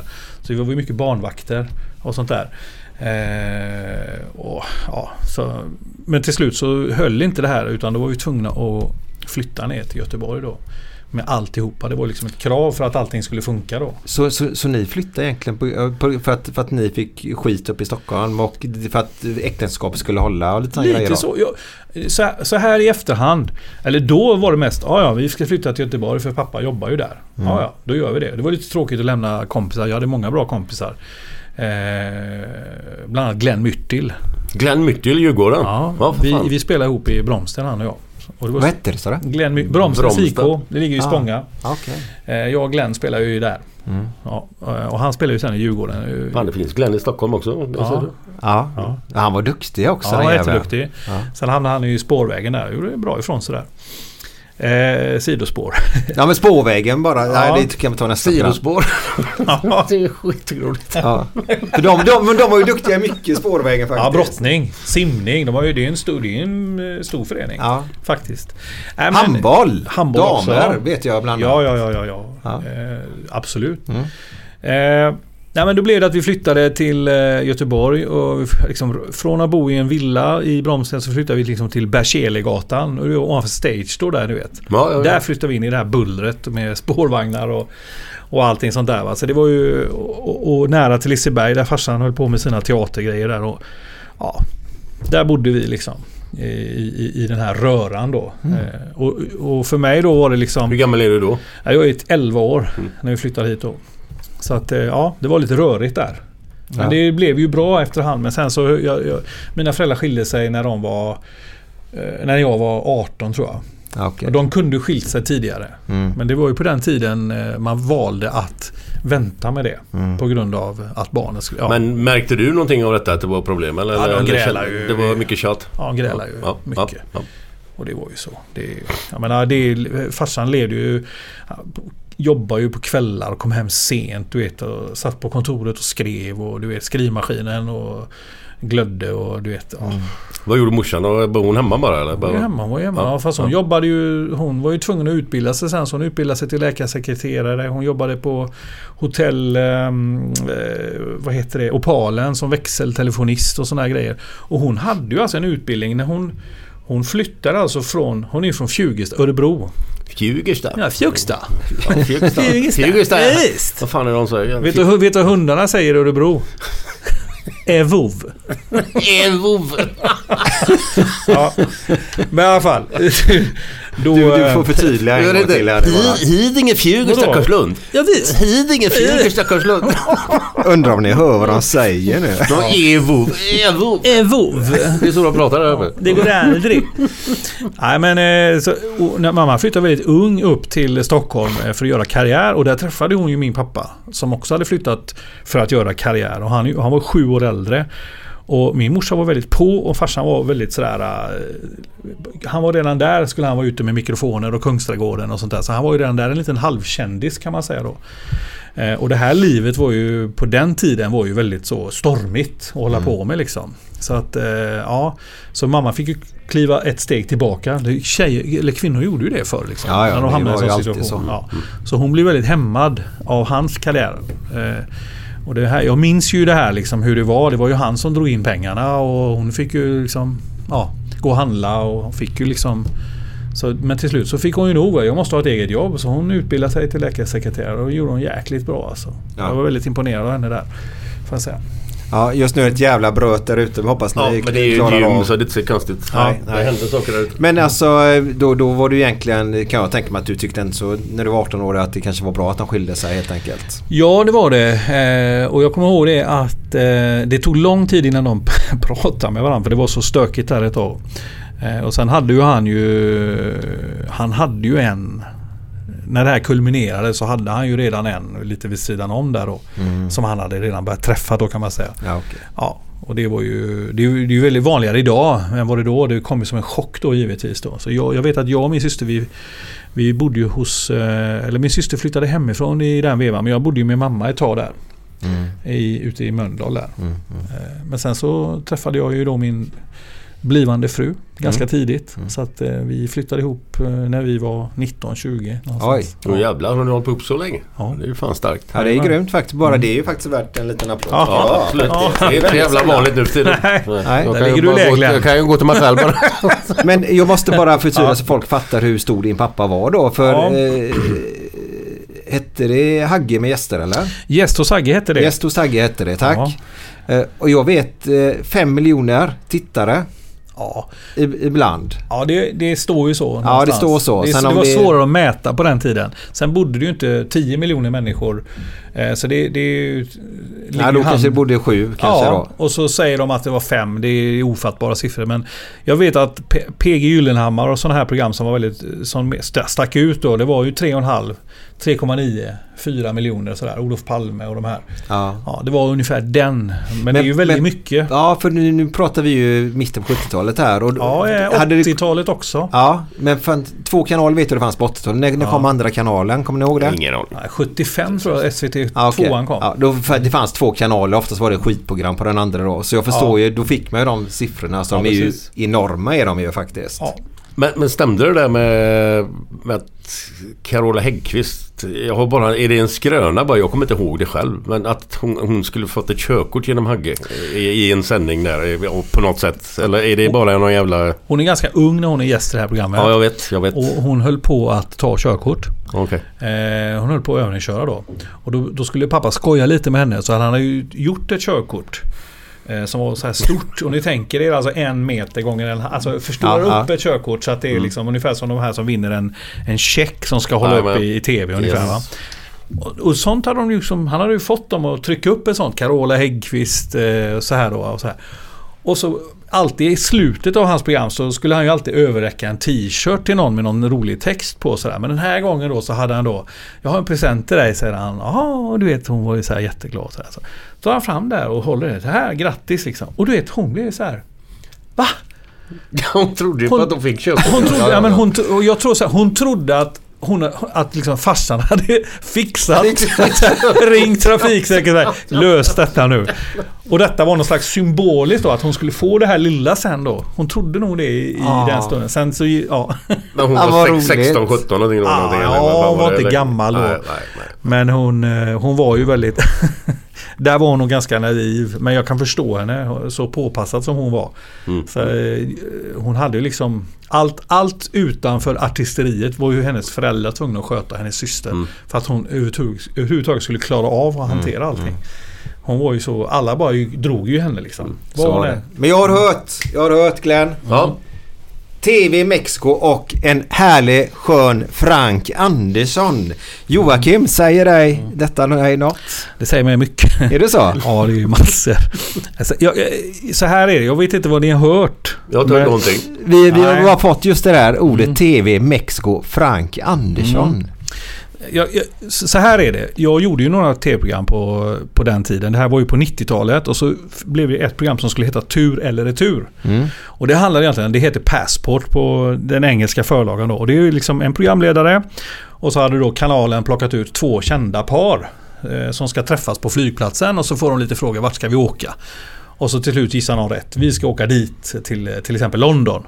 Och då hoppar man på planet och åker till London. Där, har man då, där gör man då olika tävlingsmoment då. Där de här två lagen tävlar mot varann i några dagar. Och det laget som vinner till slut får en veckas semester medan de andra får åka hem då. Tur eller retur då.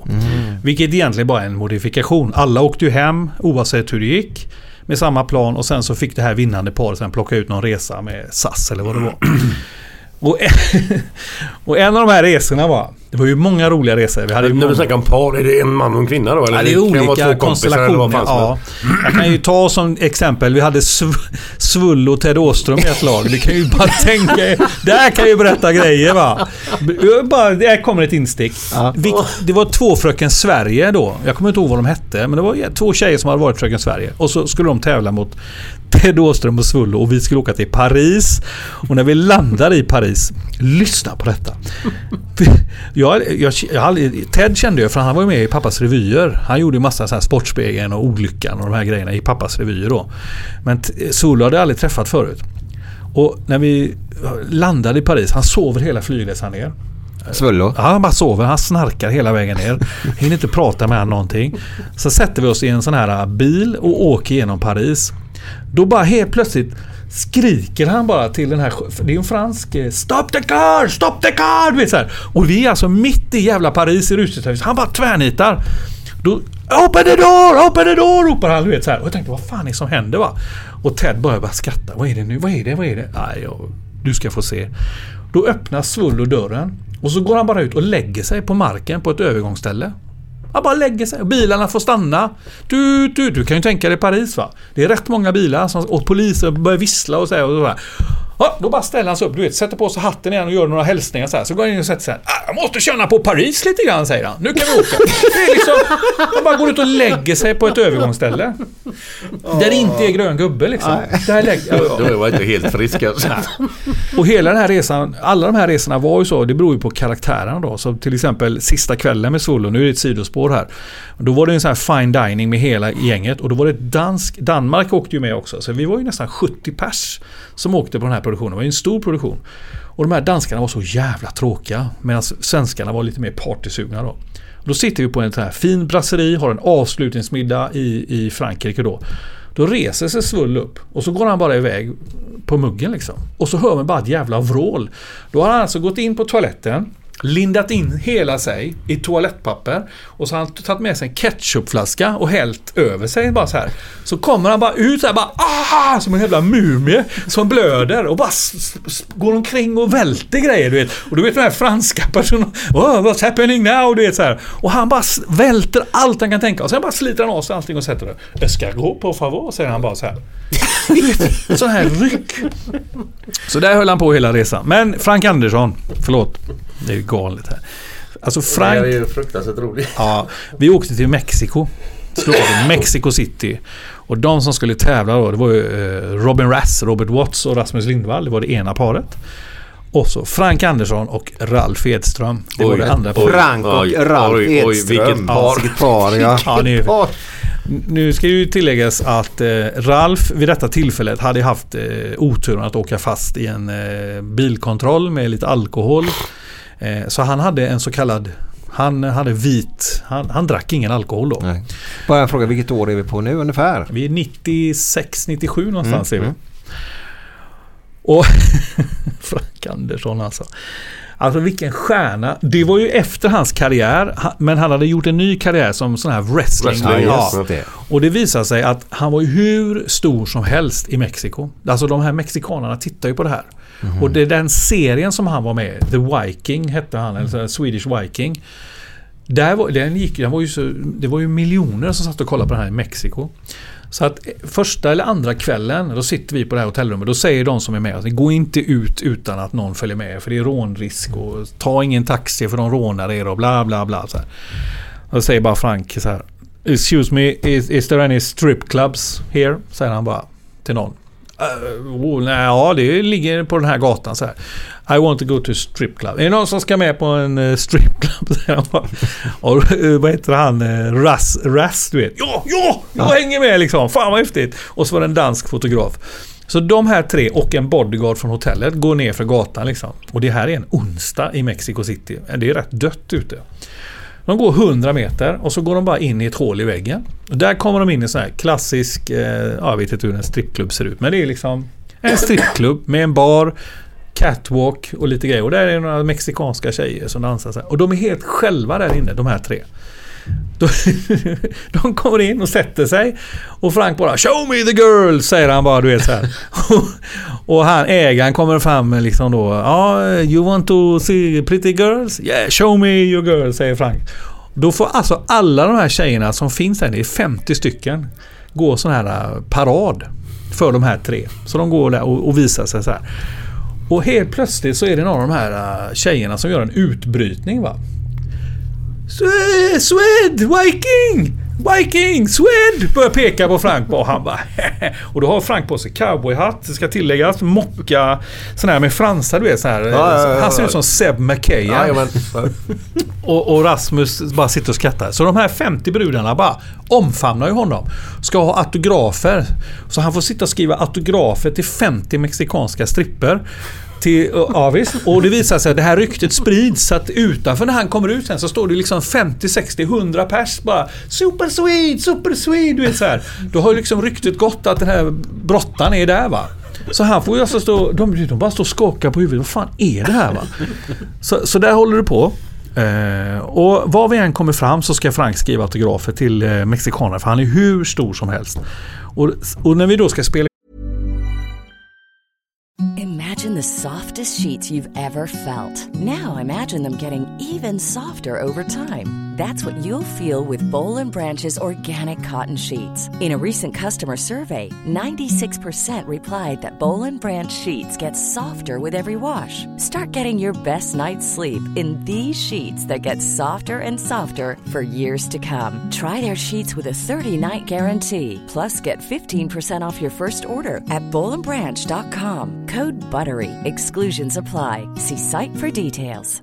Hey, I'm Ryan Reynolds. Recently, I asked Mint Mobile's legal team if big wireless companies are allowed to raise prices due to inflation. They said yes. And then when I asked if raising prices technically violates those onerous two year contracts, they said, What the f are you talking about, you insane Hollywood ass? F- So to recap, we're cutting the price of Mint Unlimited from $30 a month to just $15 a month. Give it a try at mintmobile.com slash switch. $45 upfront for three months plus taxes and fees. Promo for new customers for limited time. Unlimited more than 40 gigabytes per month. Slows. Full terms at mintmobile.com. Hiring for your small business? If you're not looking for professionals on LinkedIn, you're looking in the wrong place. That's like looking for your car keys in a fish tank. LinkedIn helps you hire professionals you can't find anywhere else, even those who aren't actively searching for a new job but might be open to the perfect role. In a given month, over 70% of LinkedIn users don't even visit other leading job sites. So start looking in the right place. With LinkedIn, you can hire professionals like a professional. Post your free job on linkedin.com slash achieve today. Eh, nu kommer vi till den här historien som ska berätta då. När vi ska spela in själva finalavsnittet då, då är det så här att ett av de här lagen har lite mer poäng än andra och då får det ett litet försprång säger vi då. Och det ska tilläggas att under hela den här resan så fort vi har liksom delat ut en uppgift så har ju Frank liksom så här eh, om vi säger så här, okej nu har ni en uppgift här, ni ska gå dit bort och ni ska ta fotografier på de här eh, grejerna. Så här. Då har Frank bara tagit det här pappret, ja och så gott. Och Ralf har stått kvar och är skitsur. Och fan du vet, du vet ju Ralf, du vet. Jävla Franken, han sticker ju med alla mina papper du vet så här, va. Och fan, eh, det är inget kul att tävla med Franken du vet så här. Så Han var skitsur på Frank för att han hela tiden tar kommandot då. Och den här sista tävlingen då. Så, så är tävlingen följande. Vi åker till en liten gruvstad utanför Mexiko som heter någonting Tehuiti, Juan eller sånt där. Och där i den här lilla byn så får de, blir de tilldelade varsin eh, sån här folkabuss. Och så ska de åka med den här folkabussen själva med någon fotograf i. Så får de tre uppgifter i den här lilla staden. De ska fotografera någon klo- kyrkklocka. Och sen, så då, sen ska de ragga tag i ett eh, mexikanskt mariachi-band. Vet ni de här? Oj, oj, oj, oj. Och då har ju då de listigt placerat ut två sådana vid torget så de ska kunna plocka upp dem då. Eh, och så ska de göra lite uppdrag då. Och detta är ju på tid då. Den som är först klar som kommer upp körandes eh, så har vi belägrat något litet hotell med en liten bar och en swimmingpool. Det är målet. Så vi skickar iväg de här. Sen åker vi upp och väntar på dem i stort sett. Och vi har ju walkie-talkie så vi hör ungefär vad som händer va. Och Frank vet du, han kör ju, vet du, han kör ju som en jävla idiot in i den här byn. Vet du. Så han kör ju så folk får ju hoppa åt helvete och allting. Och så skynda dig Ralf ut och ta kort på skiten här nu så kör jag till nästa ställe. Och Ralf får ju springa efter och han blir helt skitsur då. Så hoppar han upp på den här folkatransporten då. Och så har de en grej kvar och det är att få tag i det här Mahirachi-bandet då. Så Frank kör upp till Stortorget, hittar de här då. Så han går ju bara ut handgripligen och bara slänger in sex mexikanare i bussen. Slänger bara in dem såhär. Ralf kör! Kör!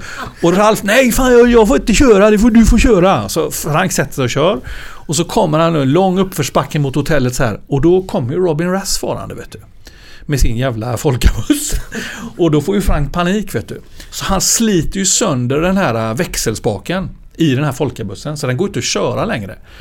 Och då ställer han den på bredden så att deras folkabuss inte kan passera. Så går han ut och så säger han till Ralf Ralf, spring upp till hotellet. Jag tar mexikanarna. Så Ralf går och skitsur. Och går på Frank bara Come out! Säger han till de här mexikanerna. Så tar han ju tre av de här och lägger dem liksom upp över axeln.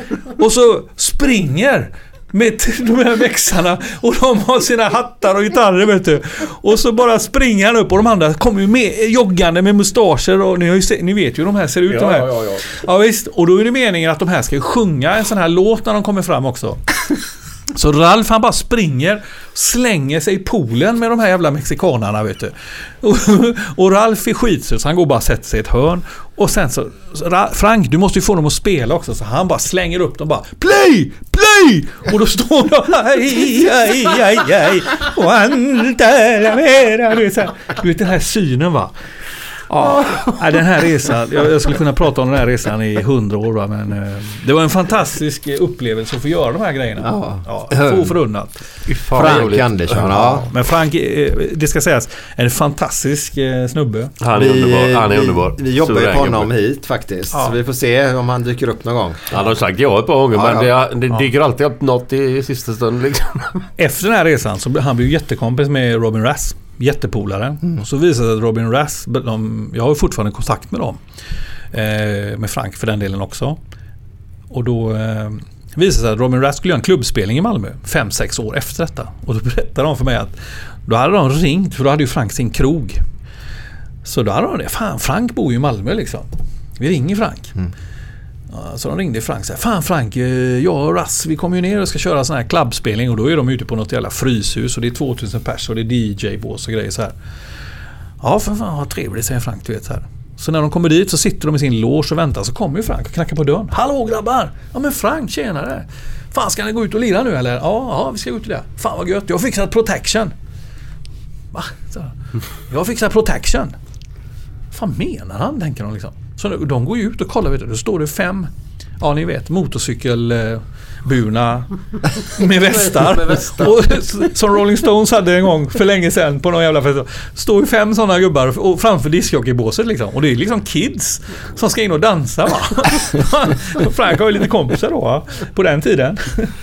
Möller och sådana här då va? Som står där framför det jävla DJ-båset va. Och då bara, fan Frank du kan ju inte... Ungarna vågar ju inte gå i närheten. De står 20 meter ifrån och dansar du vet. Och de står, i sådana motorcykelburna snubbar här va. Han är rolig Frank. Klassiker. Ja, ja. Härligt. Ja, tack, det- tack, tack faktiskt. Det var en grym historia. Men du var inne här nu på ditt, eh, att du faktiskt var ju en, eller du var ju absolut en bland Sveriges eh, kändaste vet du, programledare på 90-talet. Ja, kanske. Jag säger det i alla fall. Ja. Jo, men det, det ser man ju när man läser allting. Ja. Hur-. Har ni googlat? Nej. Ja, ja, alltså det är ju... Nej men jag kommer ihåg det väldigt, väldigt, väldigt väl Ja. faktiskt. Eh, och, eh, Men det var en sen karriär. Jag, Ja. jag var 30 år när jag började med... Hur kom det sig att du började? Nej, men det var ju, jag jobbade på en sportbutik som hette New Sports som fanns eh, i Göteborg. Som eh, marknads, ja, sälj och sånt. Och då min chef eh, var Bosse Edsberger, Göteborgsvarvet. Bosse. Ja, ja, Mm. ja. Eh, och hans bror jobbade då för Gert Eklund på den här TV21. Och då säger han till mig så här, du skulle ju passa som programledare. Du, varför går inte du? De har ju sådana här uh, programledartest där nu på TV21. Eh, så nej, det är ingenting för mig. Jo men fan, du skulle nog eh, passa till det. Eh, gå dit. Och det var över 300 pers som var där. Det är ju liksom lokala, tänk alla lokala göteborgare på den tiden. Jaunepö och alla sådana här, Stefan Johansson. och- med. Ja, men alla sådana var ju där och testade liksom. Det var ju så. Det har vi det där Bingolotto började i den kanalen vi snackade om. och vi var på, det här var ju på Anders Perssons Jajamän, vid Ullevi då. Ja. ja.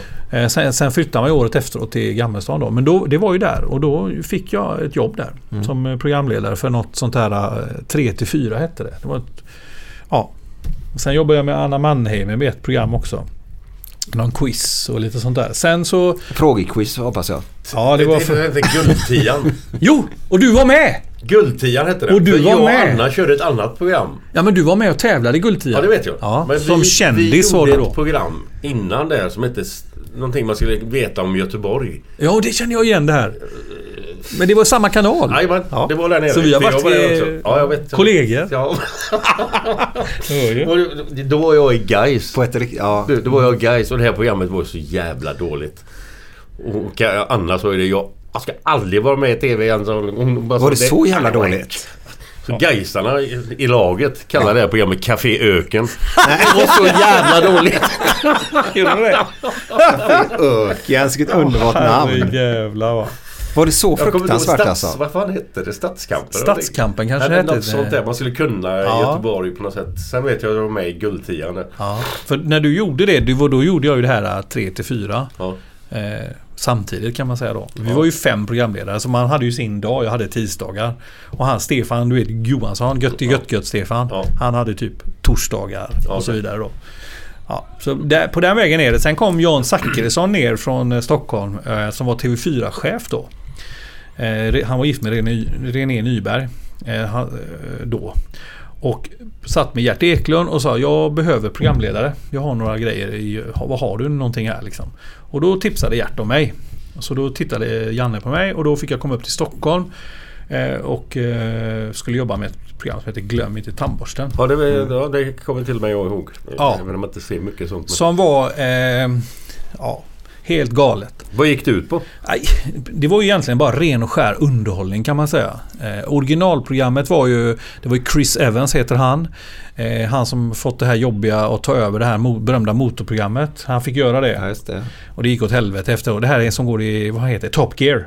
Vad Top Gear? Ja, han var den som fick ta över efter de här Han tre. fick sparken. Och så fick han ju sparken för Oj, det gick ju inte Nej, nej, nej, att nej, byta nej. ut. Den som ta, eh, överhuvudtaget, vem som än tar det jobbet får ju sparken efter ett år. Efter han den där långe med Ja, det går ju inte. Ja. Nej, det går ju inte.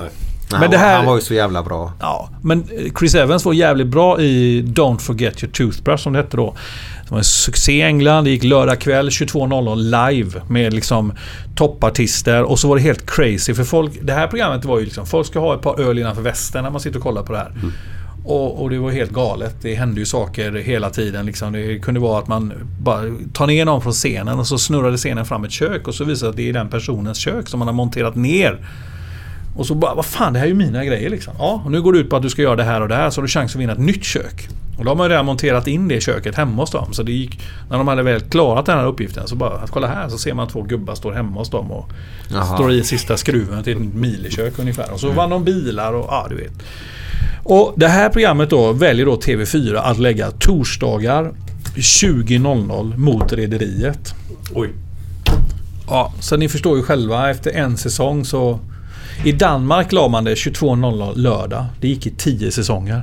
Jag säger inte att jag kanske eh, jag var ju rookie, jag kanske inte var den bästa programledaren. Men konceptet var ju värt att lägga på en helt annan mm. slott så att säga.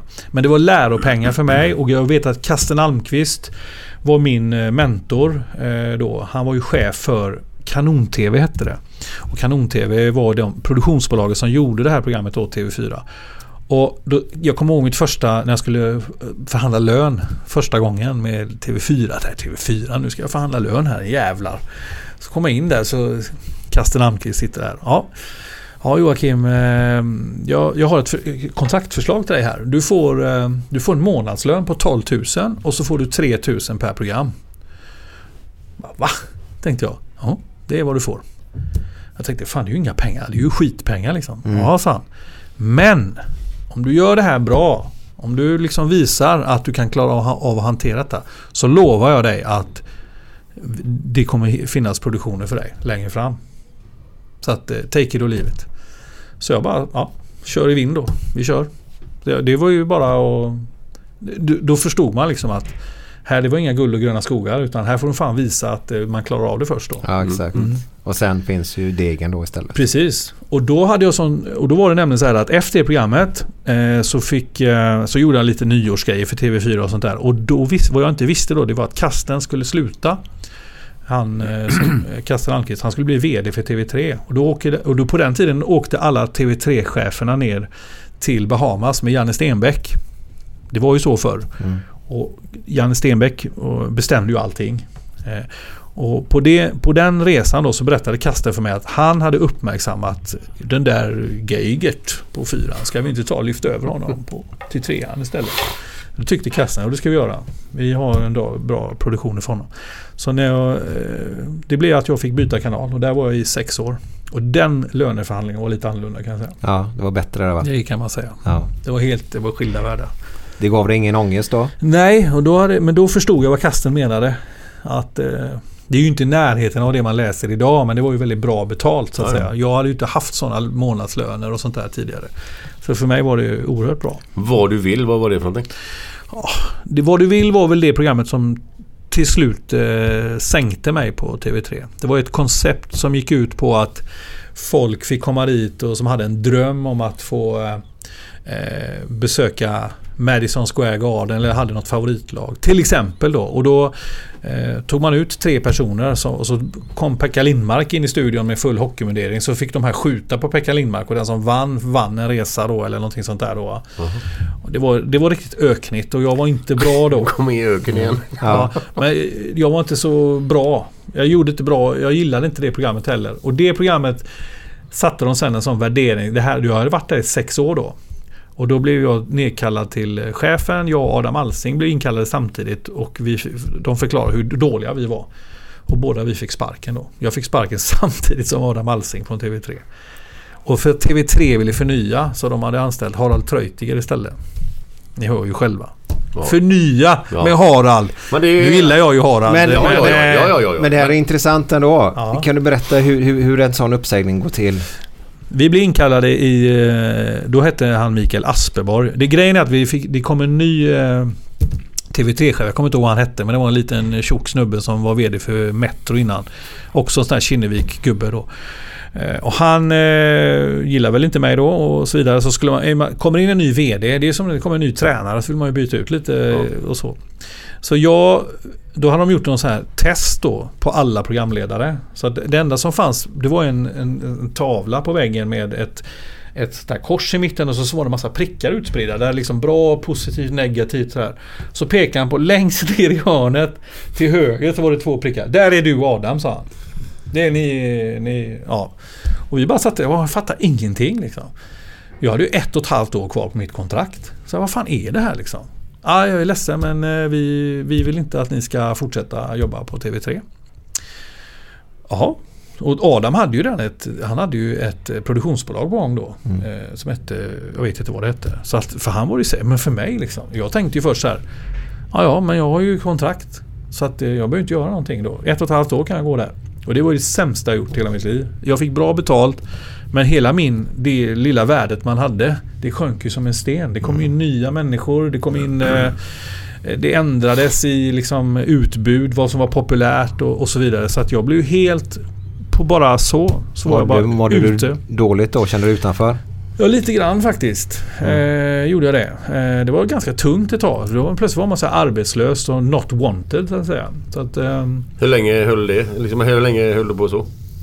Par år faktiskt. Ja, så pass länge? Ja, först hade jag ett... Jag fick ju inte jobba på hela året efteråt där. Så jag gick ju liksom... Jag kunde inte jobba med någonting för då riskerade jag att tappa hela... Ja, för att du fick lön från TV3 Ja. då? Ja. Och jag tog ett tidigt beslut att jag ville fullfölja kontraktet. Och det skulle jag ju inte gjort. Det hade varit bättre om de hade... Det hade varit bättre med facit i hand om jag sagt så här. Okej, men ge mig hälften då så, köper, så, sk- så skriver ni ut mig ur kontraktet eller någonting. För då hade jag kunnat gå till ett annat bolag och söka ett annat jobb och fortsatt. För jag hade ju fått jobb då. Eh, men det gjorde jag ju inte, dum som jag var. Man blev, där var man lite åpen kanske då. Men trodde väl att ja, ja, men jag sitter av mitt kontrakt och så... Vad fan, det är ju som en fotbollsspelare. Jag behöver inte spela fotboll på ett och ett halvt år. Mm, det är ju roligt. Ja men precis Ja, va. Men så tänkte man ju inte då. Nej. Ja, Men är det någonting du ångrar? Eller? ja det kan jag ångra. Det är ett sånt beslut som jag kan ångra då. Men, eh, men det ena ger ju det andra och det är ju liksom erfarenhet och sånt här. Men sen är du född i Stockholm också. Mm. Så vi förstår att du bär på lite ångest.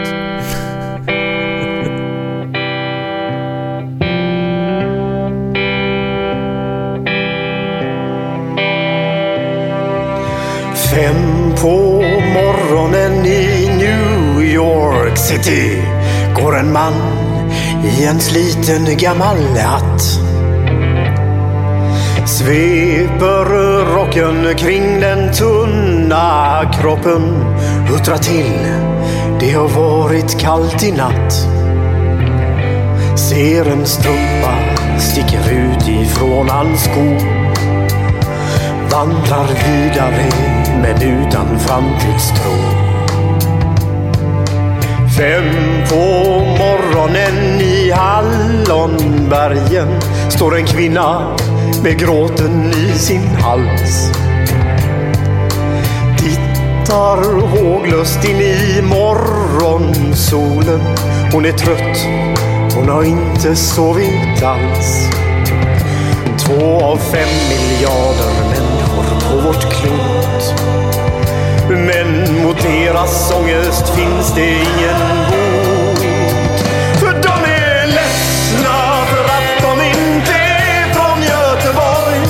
De kan inte se hur Gustav Adolf pekar på sitt torg. Det är inget fel på att vara etiop. Men inte riktigt rätt ändå, det vet de allihop. Och de gråter så det krampar när de får en inre syn av hur vi som är från Götet tar en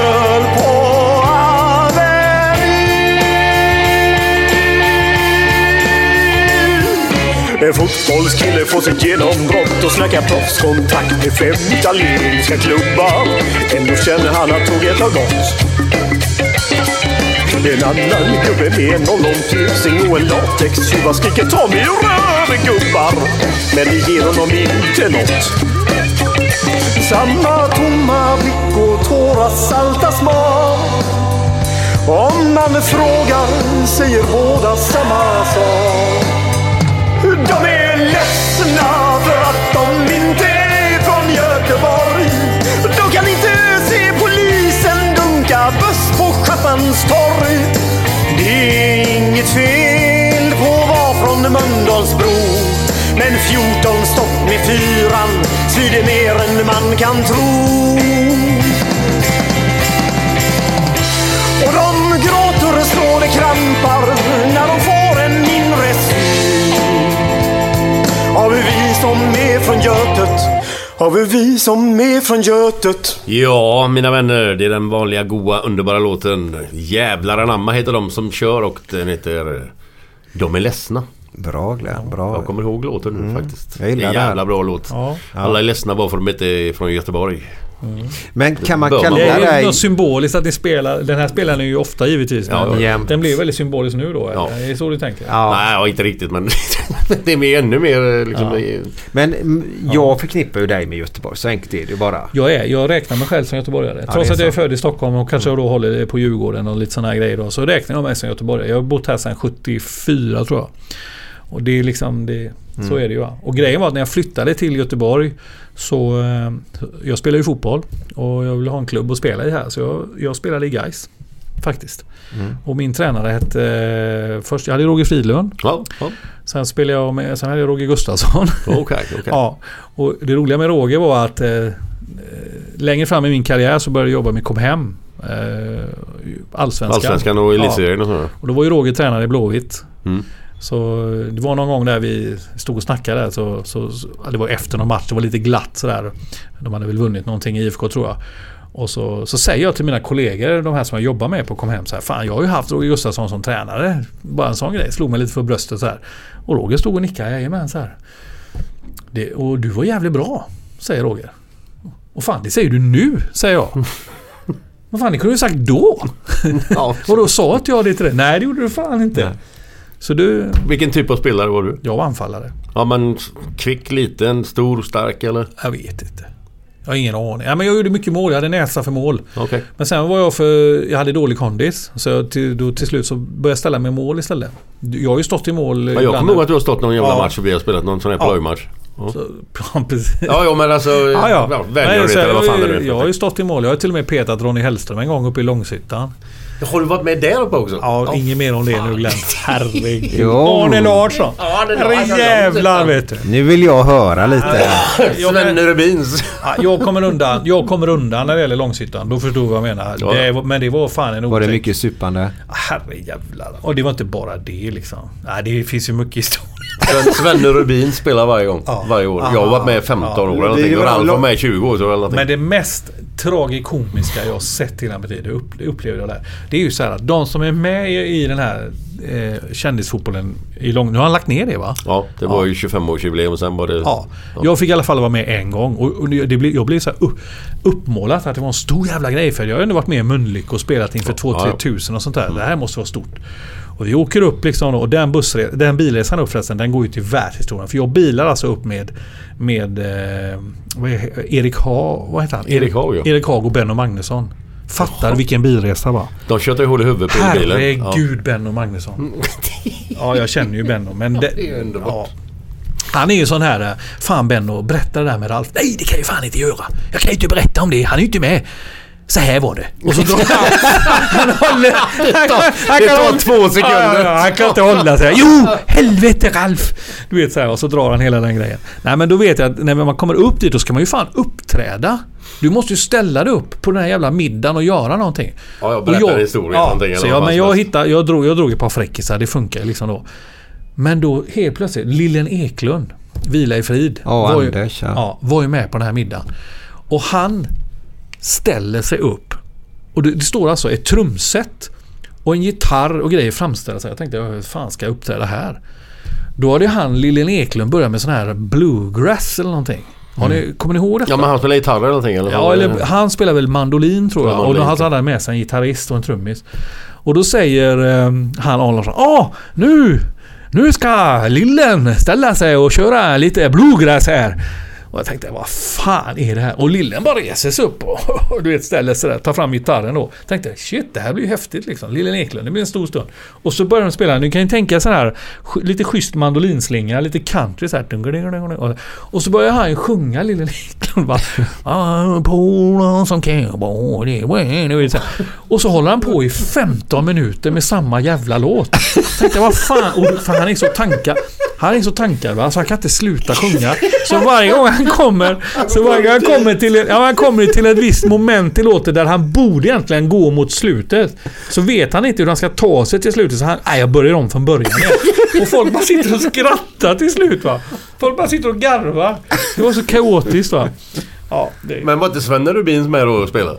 Eh, kom jo, de det var de. då? Nej, de var också med och spelade ja. Ja. Långa bollar på bänk. Ja, och så massa gammal Amazon. Ja, herregud. Ja. Ja, grym. Alltså det var ju... Jag vet inte ens vad vi började prata om nu, men vi kom in på eh, fan Ja, du har Roger Gustafsson Ja. som tränare. Ja, men jag var, ja, precis. fan hamnade han nu i Långshyttan? Nej, jag. Ja, ja, men... Ja, du, nej, kom- men du frågade om han var duktig i fotboll sen som forward. Om han var kort och tjock eller lång och Ja, och stor. sen blev ju helt plötsligt. inte. Nej, okej. Ja, men jag var målvakt eh, Ja. slash... Eh, Ja, han har varit målvakt på en sån här plojmatch sa Ja, du. ja. men när jag, spelade i. Bro- när jag spelade med Glenn Myttil i Bromsten, då var vi anfallspar. Ja, ja, ja. Fast det var ju sju manna då. Men Jo, vi jo, spelade på topp vi två. Du var... Glenn Myttil. Myttil. Ja, okej. Hans brorsa Leslie Myttil, eh, basketkille. Ah, okej. mm. Så att, eh, ja, från Bromsen också. Ja. Men du pratade där innan låten där innan vi blev ledsna här då. Eh, så, så hade du fått sparken. Ja. Och så satt du ett och ett halvt år, inte satt men du, du väntade i alla fall ett och ett halvt år på Ja. att få börja jobba igen för du satt fast i kontraktet då. Eh, men hur har det gått efter det om man säger då? För vilket år är vi inne på när de har gått? Är det runt 00 där då eller? Ja, det är där någonstans. Men då, och då, då visade det sig att eh, då skulle man börja direktsända. Ja, det gick trögt. Jag fick ju, man fick göra lite extra grejer och sånt där. Och, i- och i den vevan går pappa bort också. Så det var ju, han dog 2000 där. Så det var väldigt, ja, väldigt mycket sånt där. Jag bara för, att flika in en grej. Ja. I den eh, hemska, hemska sjukdomen, kol heter den va? Ja, lungemfysem. Ja, som, som jag vet att du eh, håller på och försöker sprida va? Det är budskapet alltså. Ja, ja, jag fick en fråga från hjärt-lungsjuk, eh, hjärt-lungfonden för några år sedan. Och, ja visst, Mm. det, var ju, det kan man ju säga nej till. Nej. Så, så var det. Det är ju egentligen hjärt-lungfonden som driver de här kampanjerna. Jag blir ju bara ett, ett av många verktyg. Ansiktet utåt då. Ja, sen vad jag kan bidra med det, det vet jag inte. Vad Men- står det för? Kol? Ja, det är en förkortning. Uh, Ja, det är inte livsviktigt. dum. Vad var du tvungen att säga? Nej, men det var, det var bara en grej. Man säger cool dessutom. Inte Ja, cool, utan cool Ja, har ja. jag fått lära mig då. Jag sa också kol. Men lungemfysem det är ju det, är ju det som han eh, Rickard eh, gick bort i nu här. Vad är han heter? Wolf. Wolf ja. Han hade samma sjukdom. Okej. Väldigt ung får jag säga. Mm. Det ska sägas att eh, det finns ju alltså operationer för detta. Så jag blev väldigt förvånad när jag hörde att han dog 59 år i den här sjukdomen. Alltså finns det operationer Ja, det? man gått in och tittat på hur lungorna är uppbyggda. Om det finns, eh, som pappa hade ju frisk lungvävnad längst ner. Mm. Och då alltså går du in och opererar och tar du bort det i mitten och flyttar upp detta så får du ju 20-25% till till exempel. Då. Och grejen var så att farsan skulle göra den här operationen. Han låg inne eh, hade bokat tid på Karolinska och allting, allting var bokat och klart. Och han började sitta på en cykel för att han skulle liksom då ja, eh, klara den här operationen. Och höll på i 4-5 månader med det här. Och när det väl var dags, då var jag på en resa i USA och min syster var nere i Tyskland. Eh, och han var själv uppe på Karolinska, ingen familj, ingen anhörig, så han backade. Dagen Nej. innan, jo han backade ur. Så han, våg, han vågade inte ifall. För läkaren kom in, det var en kvinnlig läkare, hon kom in och sa så här ja nu ska vi göra operationen här och det finns ju vissa risker och bla bla bla. Och då var inte vi hemma så han bara nej jag, vågar, jag vågar inte. Så. Vad är han för ålder då? Liksom, Ja, 71, 72. det är inte jättemycket. Nej, han dog två år senare. Mm. Ja. Men... ehm, ja. Skit i det. Eh, jobbet där då ja. Eh, så jo, så eh, kom hem. Skulle sända Allsvenskan i fotboll. Det blir jävla hopp här nu. Ja, men så är det jämt. Ja, alltså, det är vi, ingen fara. ja, men vi var ju där ett och ett halvt år efter du hade Ja. haft din karantän Ja. helt enkelt. Och fick kämpa där för att få nya Precis, då. ja så är det ju. Eh, och ju, det fanns ju alternativ för mig att söka andra jobb också givetvis. Men man vill ju hålla på med detta. Mm. Eh, men så, eh, då, då var det ett företag som eh, hade gjort en upphandling för att man skulle börja sända all, all, alla jävla allsvenska matcher. Mm. Det här var 2000-2001 någonstans. Det skulle börjas nu. Och då frågade de, får vi lov att använda ditt namn? Vi vet att du är, du varit programledare, du är sportintresserad, du kan mycket fotboll. Så, ja visst, jag, det fick du. Och då vann inte de den här upphandlingen utan det var ett annat eh, bolag som gjorde det. Eh, och det roliga är att han som ringde till mig och frågade om fick, vi fick använda mitt namn, det var Mikael Asperborg. Han var programchef på TV3. När- Det var han som sparkade mig. Han jobbade på det här produktionsbolaget så han hade fått i uppdrag att ringa till mig och fråga om, jag, om de fick använda mitt namn. Oj. I, ja, så det var väldigt märkligt. Men de vann inte upphandlingen utan det var ett annat produktionsbolag som gjorde det som hette Tipp-TV tror jag. Ja, det känner jag igen. Ja. Ja. Och, och då, så då fick ju inte jag det jobbet. Men så gick det ju tre veckor och Allsvenskan började och Tipp-TVs gubbar, det var ju Leif Larsson och sådana här gamla stötar. Och då ringde, då ringde de mig sen och sa Du fan, eh, jag hörde att du, du, de pitchade dig där och Har du lust att komma ner och testa för att det här går inte va? Då är ju så de här gamla rävarna, de är ju vana vid tipsexar. De kan sitta och prata i fem timmar om en match. Mm. Men här har du tio minuter på dig. Du har, det, är liksom, det går så här. Det är en en minuters... och Det, det fanns inte i deras värld. Va? Så Leif Larsson, som är en fantastisk... eh, Han var ju fantastisk eh, under sin tid. Han kunde ägna de här tio minuterna bara att prata om liksom, Gamla Ullevi, gräsmattan här, du vet. Korven var god. skrek han sådär. Gå till laguppställningar Leif! Han bara, nej, han körde ju bara sin grej vet du. Så det gick ju inte då. Så jag kom ner och fick, min första match jag fick göra det var Blåvitt AIK. På Gamla Ullevi. Eh, och då, då, då debuterade en ung Dennis Jonsson. Ja, ja. Och gjorde mål och blev eh, matchens lirare och allt möjligt. Sånt där. Jag kommer ihåg det här som igår då. Men jag skötte det bra och då fick jag jobba där och då var jag där i tre år. Eh, och då jobbade jag med hockey och fotboll. Mm. Då gjorde jag 300-400 matcher gjorde jag på tre år. Oj.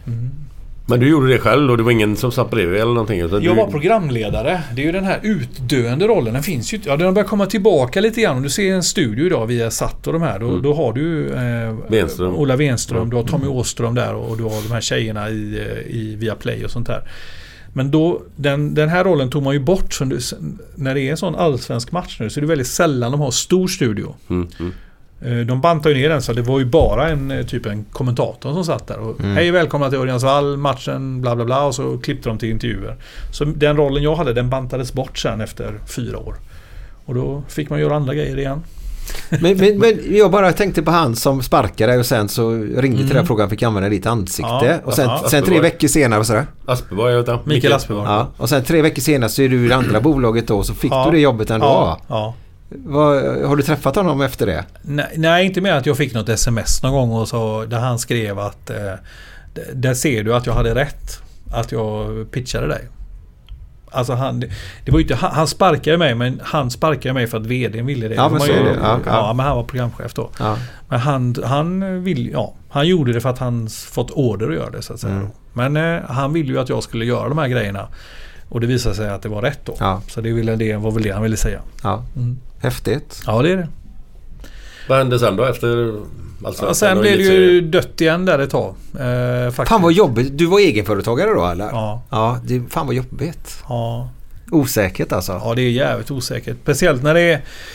Eh, man, man får fan hanka sig fram alltså. Så att... Eh, ja, ja, det är, ju- sen kom hela den här pokersvängen kom ju farande sen. Mm. Och den eh, var ju ganska lönsam ändå så att man klarar ju sig så att säga. Eh, på, dem, på det. Eh, dels för att man jobbar med det, dels för att man eh, tog in annonsintäkter och sånt där. Och dels att man eh, hade lite tur vid några turneringar då. Så att det blev väldigt bra då. Det är inte bara tur.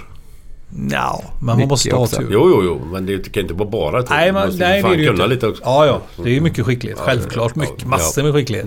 Bara skicklighet tycker Joakim. Ja. Men du, hade inte ni något, hade inte ni fiket på Vallala? Eller på eh, Lundbyborg? Eller Ja, min det? fru hade ju det eh, i massa år. Så Ja. drev hon det. Så det är inte jag. Det var ju hon och en annan kille som, hade, som drev det. Okej. Så jag var ju bara med och hjälpte till och när jag hade ledig. Och jag var ju ledig mycket på den tiden.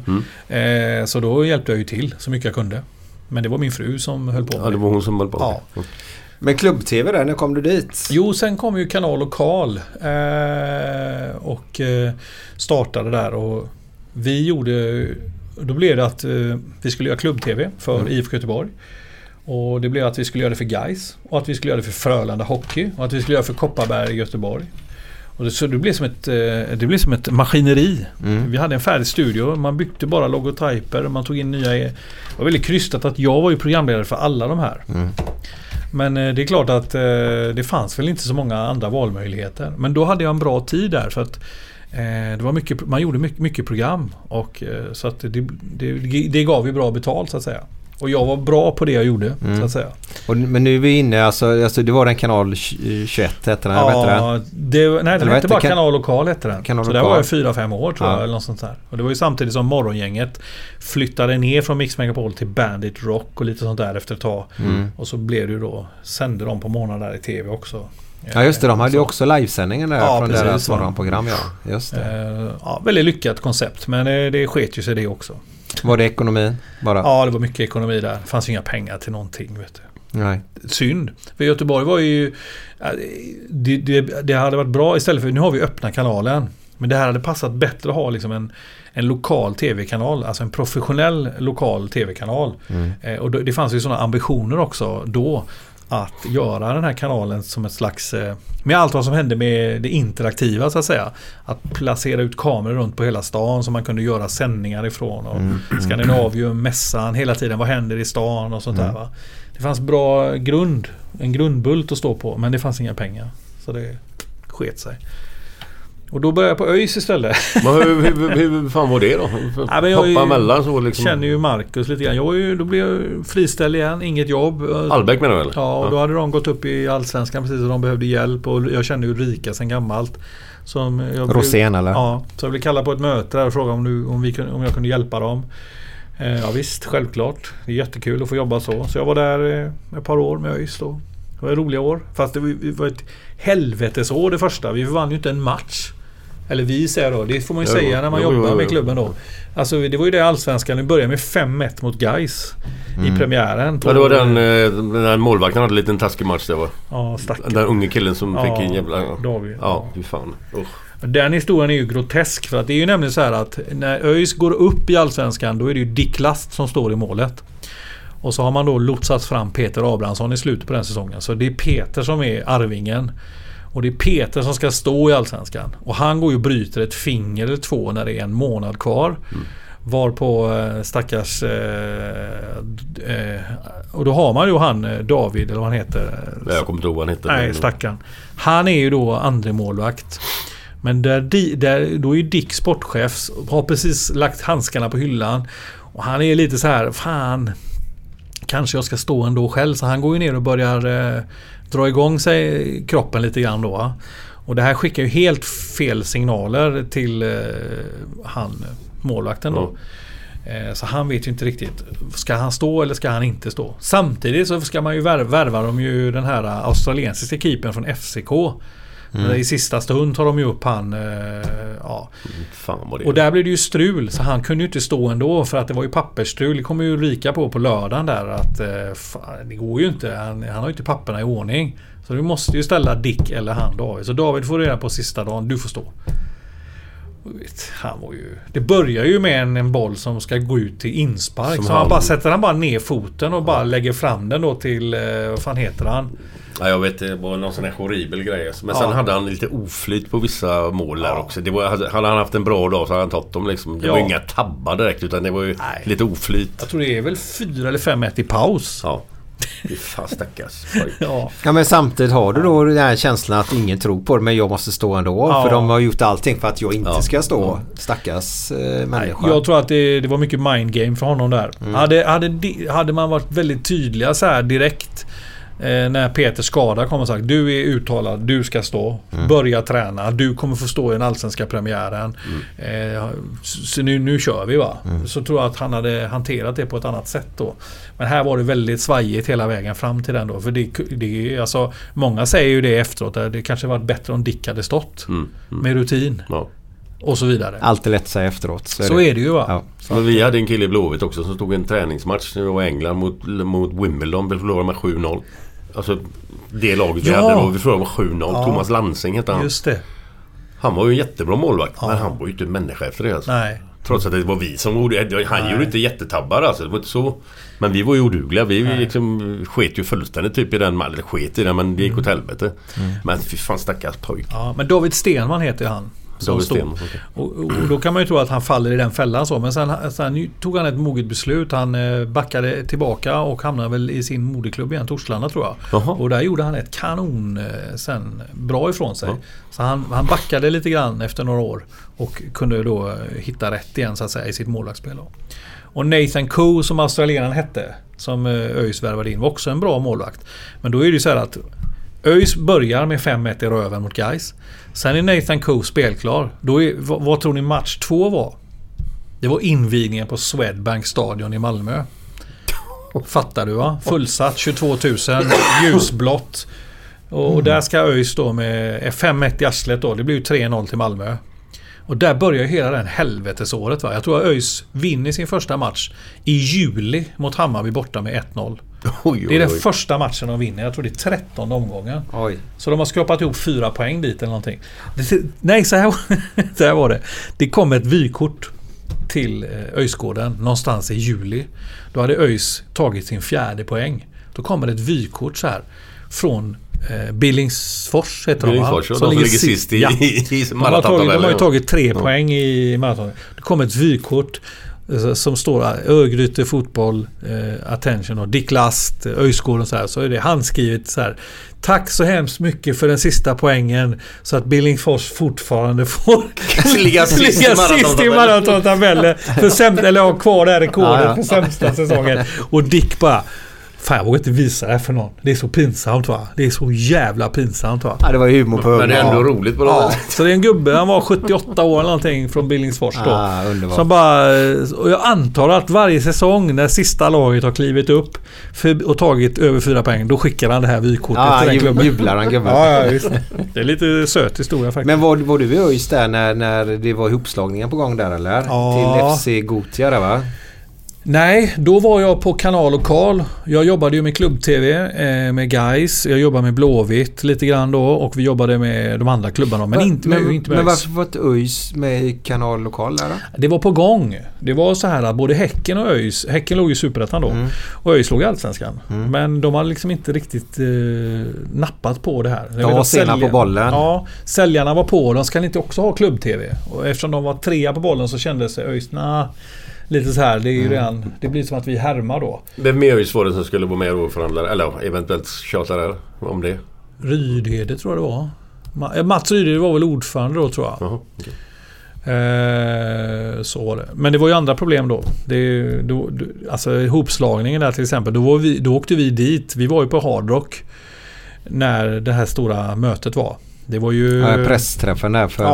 Ja. Sabine Söndergård var ju ordförande i Häcken då vet jag. Mm. Det var Christer Wallin och det var Mats Rydhede som satt på podiet och berättade om den här storslagna idén och att FC Gotia och allt det här. Och det, det, var väl första gången som fans från, Häck, eh, från ÖIS och Gais framförallt då stod sida vid sida. Mm. Och, med, och så några stackars Häckensupportrar utanför också då och vrålade liksom då. För det var ingen som ville det här bland fansen. Nej, nej, nej. Eh, sen, var ju, sen kan man ju med facit i hand se att det som händer idag i Göteborgs fotboll är ju så att FC Gotia inom situationstecken är det laget som ligger nu i Allsvenskan, BK Häcken. Förstår du vad jag menar? Ja, ja, ja. Utan hjälp så att säga. Så på något sätt så vinner ju alla de här tre klubbarna. Häcken fick ju sin allsvenska plats eh, medan ÖIS och Gais fortfarande är kvar. Eh, dock vilket, inte... vilket, vilket år var detta när det här tjafset var med FC Gothia? Åh herregud. Det här är alltså innan 2000... Nu ska jag se. 2007, 2008 där någonstans kanske. Okej. Är detta. Mm. Jag har inte en aning Och faktiskt. grejen är så här, och det här vet jag inte hur, hur många känner till, men det som, det, som var, det som låg på bordet då, det som vi fick reda på, för då var man ju lite, då jobbar ju man som journalist när man ska då göra intervjuer och lite sånt där. Det, det som gick då, pratet var att det fanns en av de här stora huvudsponsorerna då, till något av de här tre lagen, jag tänker inte nämna vilket företag detta är, som hade ett färdigt avtal, ett treårsavtal tror jag, med FC Gotia och 100 miljoner kronor skulle in till spelarköp. Då. Jävlar.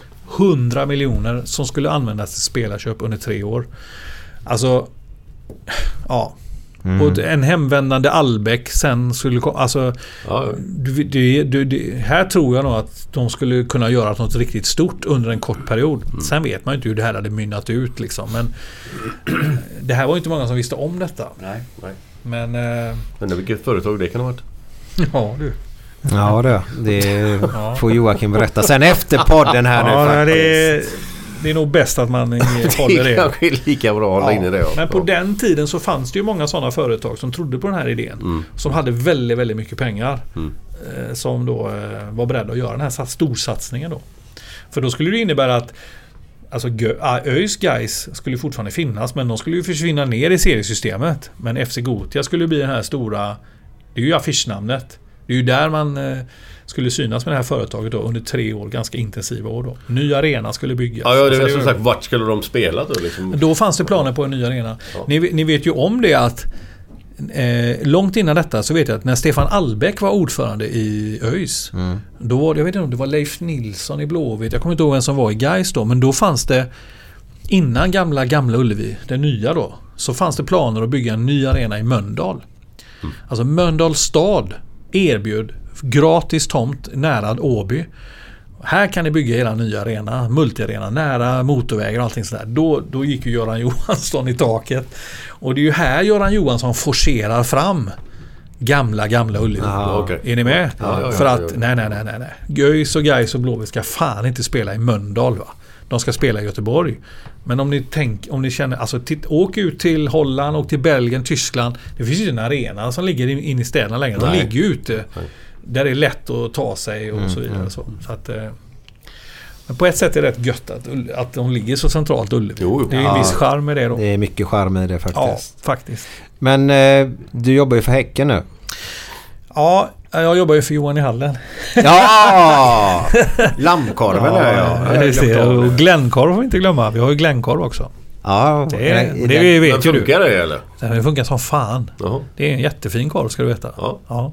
Det ska det ju vara, eller hur? Jo, jo, jo. Det hör man ju det bara på inte namnet. Då, då får du fixa. Ska vi provsmaka den här podden då? det ska ni, det ska fixa det. Lite god glänkkorv, det är ju aldrig fel. Nej, för fan. Ja, högrev, bacon, dijonsenap, svartpeppar.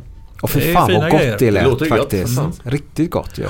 Ja, det var. Vad var det att prova det någon gång? Jo, du, du stod och grillade en gång på Göteborgsvarvet. Stod Var det Göteborgsvarvet? Ja. Har du redan glömt det? Nej, men jag kommer ihåg att jag stod och grillade något. Ja, ja, ja, ja. Grilla något också. Ja. Nej men Häcken är ju en... Eh, ja, alltså grejen är så här. När jag hade min karriär så att säga. Så då blir det att du får sådana här extra jobb Som konferencier och lite sådana grejer. Så jag gjorde väldigt mycket på somrarna för Gotia Cup. Alltså i tältet och sådana här grejer. Så att jag, jag har en lång relation med Dennis Andersson och Sonny och alla de här eh, på det planet. Och för, för några år sedan då när de skulle bygga eh, den nya arenan eh, så kom Marcus Jordin till mig då som var marknadschef för BK Häcken. Han var ju det tidigare i Blåvitt då. Men då kom han till mig och frågade om jag ville hjälpa till vid hemmamatcherna. eh, Med deras eh, VIP, alltså intervjuer, jobba med deras eh, presskonferens, hjälpa dem. Alltså hjälpa dem helt enkelt då. Va? Nu har ju de säkert kapacitet, kapacitet att göra det själva.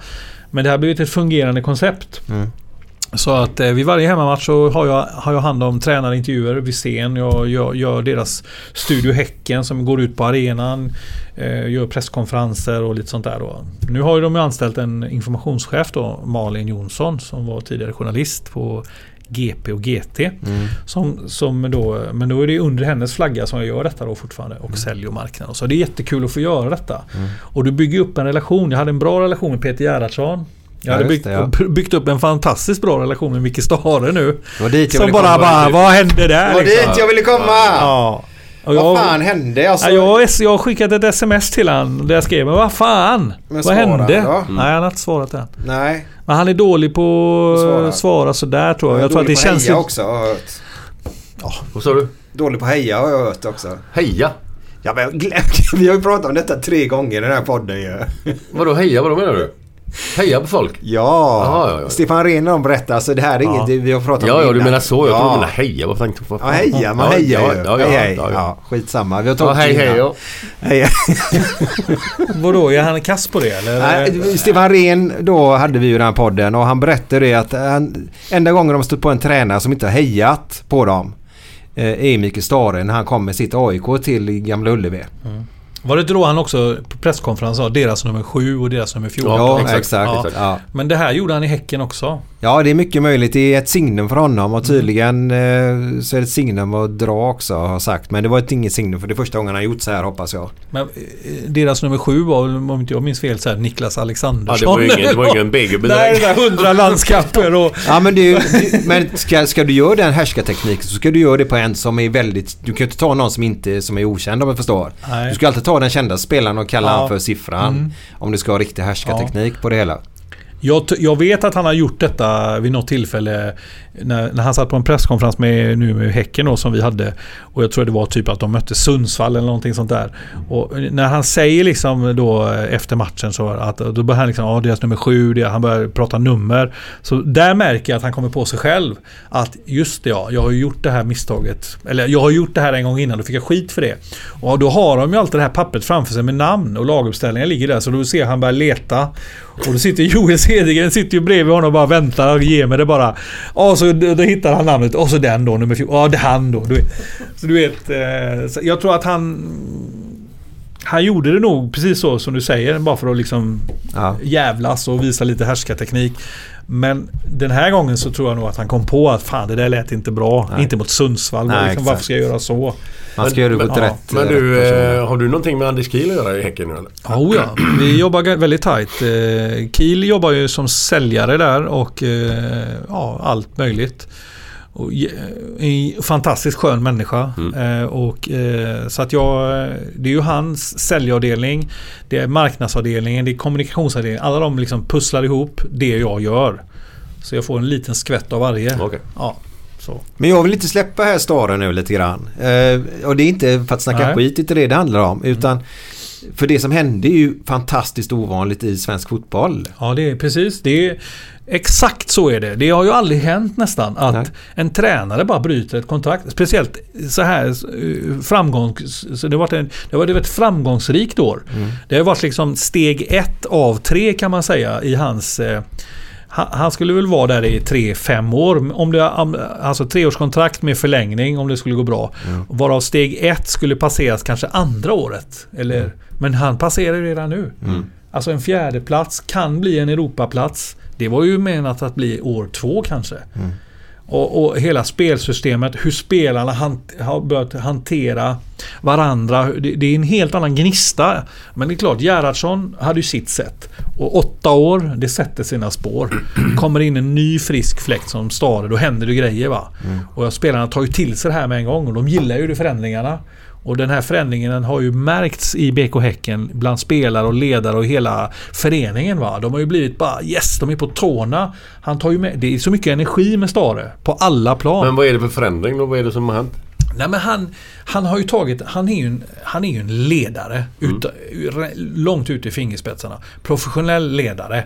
Och har en väldigt sån tuff attityd. Och så värnar han ju om sitt. Så han tar ju hela föreningen bakom sig.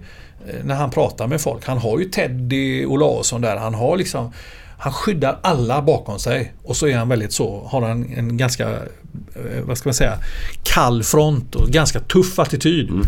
Eh, och vilket jag tror att alla där uppe uppskattar. De har inte upplevt Gerhardsson var ändå lite så här. Ja vad fan vi förlorar, det är tre raka förluster men nu ska jag sätta upp en Spotify-lista så är allting fine liksom. ja men han var ju Ja, men musik. han var ju så. Han Lite vet sådär, inte va? vad jag- Och, och, och det, just det tålamod som Häcken hade då med, det var ju en, ett vinnande koncept. För det tog ändå fem år, så blev han ju tvåa. Sen tog det tre år till, sen vann de kuppen. Jag menar, Ja. så att någonstans så var det också ett framgångsrecept då. Men Stare var ju det var ju en fantastisk värvning att få hit Stare och det här första året så tänkte man shit, det här är någonting stort på gång. Så att han sticker nu, precis som du säger, det är alltså... Men är det naturligtvis, det handlar om pengar? Ja, det är klart att det gör. ja. Såklart. Jag kan säga så här att eh, om ett år så tränar inte han det laget. Då har han fått sparken därifrån. Det är vad jag tror och man får lov att tro den här podden. Men fattar han hur han sätter både spelare och föreningen i vilken sits? För jag, för jag tänker på våran lilla Kevin Ackerman som vi har haft i våran podd här nu.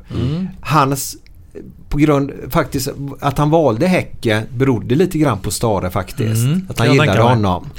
Och detta. Och han skulle vara kvar under hans utvecklingsperiod här nu då. Ja. Och nu drar han bara och det står ju, sitter ju Kevin då med ett kontrakt på Ja. ganska lång tid. Fem, Kan- fem ja. år tror jag han skrev. Ja, fyra eller fem år ja. Ja. Och så får de kanske en tränare nu som inte gillar Kevin. Han bara tycker nej men Kevin är kass. Jag tror inte alls på honom. Ja. Kan ju hända. Kan ja, hända. men det, det, Det- det kommer inte göra, Kevin. Det är lugnt, En sån jävla men- fotbollsspelare men- som den så måste Men, men det fan- kan hända. Och då, då tycker jag man har ett Såklart. ansvar. Man har ett ansvar för andra människor också. Ja, så är det ju. Och det var väl lite grann det när Stare kom in att många spelare kände liksom hur ska jag visa upp mig för honom nu? Eh, Kommer jag att överleva honom så att säga? Och det var ju några som inte gjorde. Självklart, några fick ju gå. Och på samma sätt som han... Han var ju ändå inblandad i säsong två genom att de har ju suttit här och liksom Jakob Lindström fick gå. Eh, Chisom eh, som inte fick chansen riktigt. Han fick ju lämna. Alltså man hade redan börjat värva Johan Hammar från ÖIS. Man hade redan börjat liksom göra en omställning till nästa år. Mm. Där bryter han. Så den, den nya tränaren som kommer in nu, han får ju dessutom den här förändringen som Stara hade tänkt göra till år två. Den får han bara på sig. Han får ju redan, ja vi har redan värvat tre gubbar till nästa år. Är, är, det, är det något snack om vem som skulle kunna vara aktuell eller? Alltså det är bara spekulationer. Jag Ja, tror ja. det, är, det, vad jag, det jag hör, lilla jag hör är väl att det är, att det är lite grejer på gång då. Men, Skulle jag få önska och tro så, så nej, inte Brännström. Eh, säkert en duktig tränare men det jag tror inte... Jag, jag skulle bli förvånad om Häcken skulle värva en tränare som, som till exempel då Brännström eller någon. eh, Till, och även Mellberg. Mellberg är väldigt populistiskt att välja. Sen är det en vinnarskalle men han har inte tränat Allsvenskan. Han har liksom... Eh, han måste visa sig lite grann tror jag först. Och jag tror på Andreas Alm däremot. Han är, han är den ledig. Han är ledig. Eh, vad jag har hört. Han är stöpt i Stare, eh, Rickard Norling, det här Väsby AIK-tänket. Eh, han spelar en fotboll som passar BK Häcken, precis som eh, lite offensivare än Stare. Eh, samtidigt som han har en väldigt bra eh, försvarsinriktad fotboll. Det har han visat i AIK. Jag tror han överlevde tre år där med att komma topp två, tre sådär varenda år i AIK. Ändå fick han sparken liksom. Så det är en väldigt kompetent tränare om han har en bra produkt att jobba med. Så jag, Alm hade varit eh, väldigt bra tror jag för BK Häcken. Det var ett namn jag aldrig tänkt på faktiskt. Nej, så nej. det var spännande om det skulle bli så. Jag blev chockad när Stare kom till eh, som blev ny tränare. Jag trodde att man var ryckte i Alm redan då. Det var ett namn som jag lobbade för då. Jag sa det, fan Andreas Alm gillar jag. Kan inte kolla honom. Så kom han Vem är jag som ska liksom tipsa? Sonny bara tittar på mig. Vad fan vill du? Fan, Håll käften. Nej men det, de vet Men ju du så mycket vet ju att om man sår ett frö och så håller man på att vattna det. Ja, till slut så, Ja. så när han ligger där och drömmer på nätterna kanske han drömmer det. men Ja. det, fin- det finns ingen inom klubben som kan vara aktuell? Nu har ju... Nej men... Ja, du tänker på någon tränare eller? Ja, någon som, som, alltså, det finns ingen som, som typ ja, men, Teddy Olausson ja, exempelvis? Teddy, eller, jag vet. Ja, sån, ja. eller? ja, Teddy är ju duktig. Han är obesegrad. När Stare satt på läktaren då vann ju Teddy som huvudtränare en match. Nej men Teddy är ju fruktansvärt kompetent Ja, eh, ja. tränare. Frågan är om han skulle kunna hantera det här eh, som BK Häcken vill bygga upp då. Sen finns ju de här Jörgen Lennartsson som har varit där tidigare. Det finns ju, alltså det finns ju massor. Ja, ja. Jimmy Thulin i Jönköping. Eh, Axén, kanske skulle han få ett samtal eh, så kanske han tycker det här är en spännande utmaning. Så det finns ju namn där ute. Men eh, ja. Vi får se. Ja. Tiden eh, går och Yes. eh, med tiden kommer vi få reda på vem eh, tränaren blir i Häcken också. ja. Jag måste säga, och du skulle sagt något, förlåt. ja jag bara, du, du sa ju till mig innan den här podden att vi, vi håller på jävligt länge. Men vi ska försöka korta ner. Ja, men det, det Vad är är, ditt fel, du tjatar är hela det här tiden. för länge nu? Eller, eller är det här Nej, en jag har ingen aning. Nej, Nej, nej, okej. nej. Det var därför jag kände att vi måste bryta Ja, nu för vi ska det. korta ner det. Men du, jag måste bara säga jag tackar för en sak bara. Ja. För jag tyckte det var jävligt roligt att kommentera den matchen. Var det Överås? Var det? Ja, det var... I Svenska ja, cupen. Ja, Lunden. Lunden Överås Lunden. Överås Ja. eh, mot Jag Helsingborg. kommenterade väl den Svenska cupmatchen med honom. Ja. Satt på berget Vi på, satt på ber- berget på Överåsvallen. Satt ni där och kom I? Lundentröjor! Nej. Jävla opartiskt. Men det var okej. det det var var liksom... skitkul. Det var så jävla roligt. Svenska cupen, du vet den Ja. sista. Då var det så här, Lunden blev lottade mot Helsingborg. Och då ringde han, vad är han heter? Eh, En i Lunden menar du? Ja. ja Egon. Egon ringde Ja, ju ja. och frågade mig om jag ville kommentera tillsammans med Glenn då. Eh, ja, för fan. Ja, det var roligt. jävligt roligt. Men, men hur, vil- vilka kommenterar ni för? Ja men det var ju så här, då var det ju... eh, Jag tror att det här gick på någon slags playfunktion för om det var SVT eller om det var More eller någonting sånt där. Det var typ sådär, de hade... När de skulle sända alla cupmatcher. Ja. Ja, då, eller om det var så att Lunden ville sända den Jag kommer inte ihåg Nej, jag kommer det inte var. ihåg det var Men det var jävligt roligt i alla fall. På den konst, Överåsvallen. Ja, ja, det är helt underbart vi. Det var ju två... Satt på en bergknalle. Två, tre tusen pers var det Ja, jag var det? knökfullt för fan. Ja. 7-0 eller vad blev det? ja, de gjorde ju mål, Lunden till slut. Ja, var det 7-1? Ja. Ja. De fick en i, dit en i slutet. Hela, alla jublade. Ja men det är det som Ja. sköt med Svenska cupen på något sätt. Ja. Den lille möter den stora. Det bästa var ju... Det bästa med det var ju hela just det här. Alla människor runt omkring som tog sig dit och, och såg hela... Det var ungefär som jag, jag. Jag var speaker på Landvetter Blåvitt. Ja, nu i år. Men uppe. i år, ja. Det, det var fantastiskt. En sån kväll liksom. Det är 4000 människor som bara tar sig till den här Nu ska vi se. arenan och- 4000, var det 4220 tror Och då hade Gais rekord för detta året 4217. Så Landvetter slog Gais.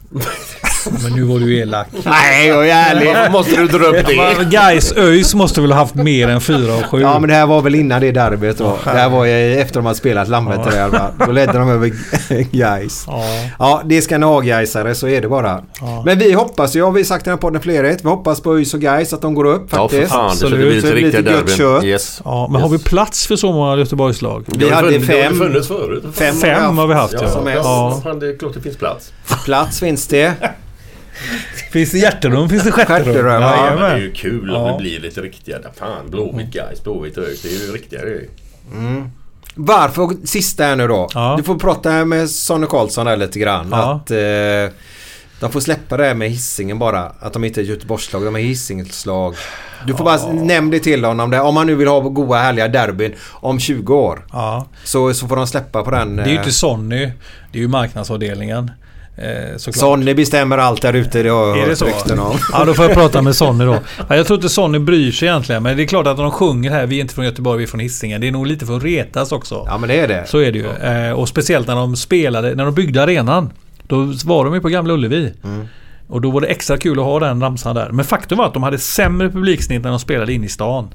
Mm. Än när de är ute på eh, den nya arenan då, eller Rambergsvallen då. Ja. Så det är, de har otroligt svårt att få dit folk på sina matcher. Mm. Och det är en av grejerna då. kan det vara, mycket väl. Att man inte säger Ja. att man tillhör själva Göteborg då. Ja, och- det är bara ett Ja, tips. men det, är ju, det går inte på ett kick sådär liksom. Det blir, Nej men jag säger Ja, det om de vill ha nej, sköna derbyn om Nej, 20 år. 20 år, man ja. måste ju Ja, ja. se framåt här Ja. i livet. Men, men, men det sagt så får man aldrig heller glömma bort om du tittar då på på IFK Göteborg, Gais och ÖIS vad de har för publik i relatet, rel, ja, vad de kan ha och vad de borde ha nu Mm. till exempel. Så har ju de sämre publiksnitt än vad BK Häcken har. Alltså, och IFK Göteborg, eh, förr hade de ju 15, 16, 17 tusen. Det har de inte längre. De har eh, kanske tre gånger om året har de det. Så, så hela Göteborgsfotbollen behöver ju med all respekt för Häcken så behöver ju faktiskt ÖIS eller Gais ta sig upp i Allsvenskan. Ja, för det kommer att göra att goda kött sätter igång och då blir det Ja, intresse. och det är till gagn för Häcken också. Det är gagn för Blåvitt framförallt. Blåvitt tycker jag tappar lite grann i stan tack vare att ÖIS och Gais släpar efter. Tyvärr är det så. Eh, och det, det får IFK-arna tycka vad de vill om. Men det här med att, eh, som de körde i några år, att eh, en stad ett lag. Eh, som de hade i någon slags marknadskampanj liksom då när ÖIS och Gais åkte ur och de var ensamma. Och Gamla Ullevi, de skulle vara själva och allt det där. Det funkar inte. Det, alltså, ta, ta Sevilla och Real Betis. Ta bort Real Betis. Vad tråkigt det skulle bli i Sevilla. Ta, ta, ta bort Atletico Madrid. Vad tråkigt det skulle bli. Alltså, Det finns hur mycket som helst. Milan man, inte. Ja, man behöver ju de här matcherna. Man behöver, ja. Stan behöver detta. Göteborg behöver Ja, mera derbyn, mera kött, eh, gnabb på, i, i, på fikarummet och sånt där. Och Jag menar, och vara öisare och gaisare, det är ju inte roligt att prata med en IFK längre. Det är bara tröttsamt att höra det här. Ja, ja, ni möter Malmö och vi möter Degerfors. Men okej då. Alltså det är ju inte ens kul längre. Nej. Så att de, något av de här lagen måste Men, ju men upp. sen är det lite, jag tycker det är lite upp till, till journalisterna också. Att de, det skrivs ju fan ingenting om derbyna längre. Liksom om Häcken möter Blåvitt. Det, Mm. Förut var det ju för fan tre om derbyn är på en torsdag så börjar de skriva om det på måndag så byggde de upp Ja, det så var men, det fyra ja, och så var ja, det men, sex sidor. jo, jo, men, men, men, de men skriver ju fan nej, gång. nej men tar du Blåvitt Häcken där om du tar supportskada så Blåvitt, Blåvittarna erkänner ju inte Häcken som, som ett Göteborgslag och Mm, Häcken nej, nej, vill nej. inte vara ett Göteborgslag. Nej. Där har du det stora problemet tror jag. Ja, ja. Vad är det de ska skriva för derby då? Nej men de kan väl bygga upp lika väl som att det är Gais ÖIS eller vilka det nu är som spelar. Kan de Ja. inte du bygga upp ett derby bara för att Häcken är från Hisingen? Vad fan, jag fattar inte. Det är två Göteborgslag som möts. Men det, det är oftast är det ju så här också. Jo, nu, men det är inte så superettan vi snackar om. ja, men nu, nu till? Men exempel. Häcken Blåvitt menar jag. Då kan de bygga upp det derbyt mer vad- Ja, men då får ju klubbarna släppa sina... sina nu börjar vi gnabba här. Men, alltså, Ja, men jag tycker att fan, då kan de bygga upp det ja, också? Men, det, ja, men det är väl inte GT och GPs... eh, Alltså, klubbarna måste börja Jo, inifrån. jo, jag tror fan det. Ja. Men det gör ju inte Ja. att inte de skriver någonting om det. Nej, de skriver ju om det, men det blir inte lika mycket. Jag håller Nej, med dig. inte mycket. Jag Men det som är påtagligt sätt. här är ju då att efter det här senaste derbyt som slutade 4-0. Mm. Eh, det första då, det var vårderbyt, då vann ju Häcken hemma med 4-0. Det var ju Mm. första gången som de vann så här stort och så vidare. Det första som hände då i GP dagen efter, det var att GP la ut fyra eller fem artiklar om Blåvitts förlust. Alltså det, det, det Det var var inte snack om. Häckens vinst. Nej, utan det var liksom förlusten. Ja, det är ju och, tragiskt. Ja, men liksom eh, allt det här runt omkring. Va? Tills de själva kom på shit, vi måste ju... Fan, då kom de på radband sen liksom. Erik Friberg jublar och, och så här. Men det är liksom, och, och så tänker journalisterna idag. De, de tänker ju på rubrikerna i första hand. Och det säljer mer lösnummer att skriva om och, Och reta klicka. upp en IFK-supporter än att... eh, Förstår du vad jag menar? Ja, ja, Alltså ja. det, och, och, och, tyvärr är det så. Och, och, ja. Och sen gör ju Blåvitt en av sina bästa matcher för fan. Inte bästa kanske men de gör ju en jävla bra match. De har ju tre i ribban, två i stolpen, Ja, ja. tre på mållinjen. Alltså 4-0 till Häcken det är ju inte, det är ju Nej, inte i närheten alltså vad, Det hur matchen ser ut. Ja. Så då får ju de någon straff där till 3-0 och, så får de en utvisad Och så också var det strax någon innan självmål va? paus. Var det inte självmål också? Jo, jo. Nej, det är ju allting rullar deras väg den, den matchen. Men det, det, det har de väl kanske förtjänat då med Ja, tanke på... Men ja. Det är det som är härligt. Ja. Ett bidrag. Speciellt nu, nu skiter jag i er faktiskt. Nu måste vi runda av här Ja, nu. Fan vad ni tjötar idag Glenn. Har du ni? fått med allting här nu? Ja, det är nej. bra. Det har jag inte. Ja. Glöm inte att påminna om lördag den 30 december. Nej för helvete. Då ska ni ha någon stor grej på Jan Scott va? Två öl ingår. Och så är det lite mat också. Ja, lite mat. Ja, det är bra. Och sen kanske vi kollar på en match. Jag kan ja. tyvärr inte komma då. Nej, det var tråkigt. Ja, ja, tråkigt. det var- 29 till Ja. Montenegro. Ja. Dit man ska åka i slutet på augusti, början på september. Eller i början på juni Ja, som du det sa. gör det verkligen. Ja. Ja. Men början på juni Ja, så är jag- vattnet lite kallare mot vad det är i slutet på augusti. Så det är bara Ja. ett tips från mig. Ja. Ja, men men, det är eh, kanonställe. När lägenheten är klar där nere, då är ni välkomna ner. Underbart! Fan vad gött, vad gött. Då, eh, men, Götterna! fan vi skulle haft bärs idag alltså. Så. Ja, ja, ja, ja. Men vet du vad? Joakim, häng, häng kvar här nu efter den här låten. För Glenn har sagt att eh, nivån var så jävla hög idag. Mm. Så bra. Så nu ska han toppa det med enormt bra vitsar här efter... Jag tänkte eh, faktiskt ta två stycken. Har du fler vitsar alltså? Ja. Ja, jag få runda av eller? Ja, gör det, Tack. Så efter den här låten så kommer Glenn med två härliga, härliga historier då.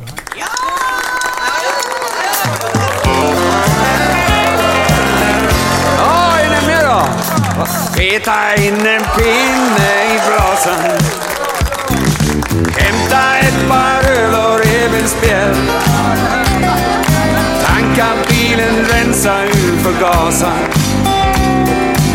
Tappa mina jeans så är du snäll. Och min älskling, stoppa pipan, hämta mina tofflor. Tack för kaffet, blev det kvar till dig?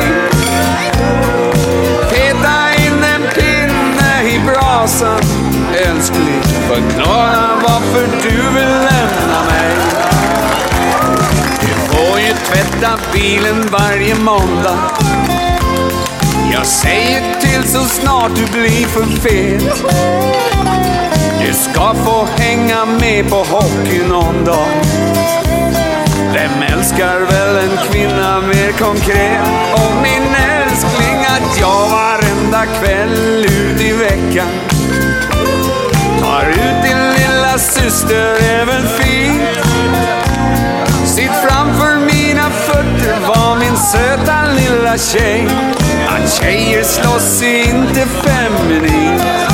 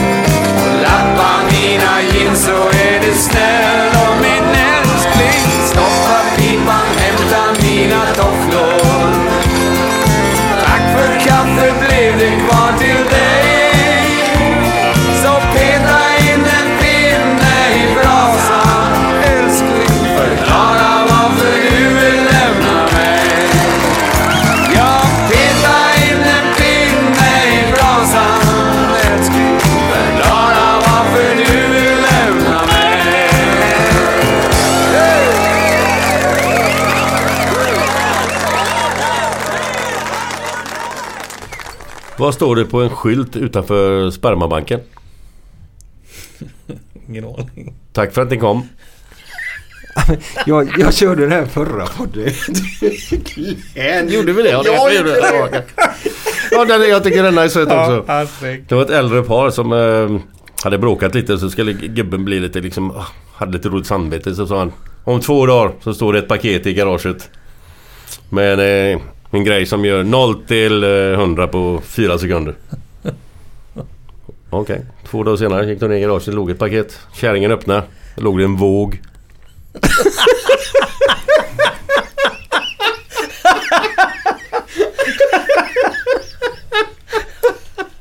Ha det gott!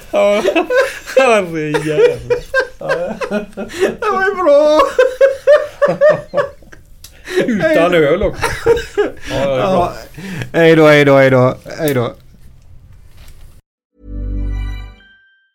Hi, I'm Daniel, founder of Pretty Litter. Did you know cats tend to hide symptoms of sickness and pain? I learned this the hard way after losing my cat, Gingy. So I created Pretty Litter, a health monitoring litter that helps detect early signs of illness by changing colors, saving you money and potentially your cat's life. Pretty Litter is veterinarian developed, and it's the easiest way to keep tabs on your fur baby's health right at home. Go to prettylitter.com and use code ACAST for 20% off your first order and a free cat toy. Terms and conditions apply. See site for details. Ever catch yourself eating the same flavorless dinner three days in a row?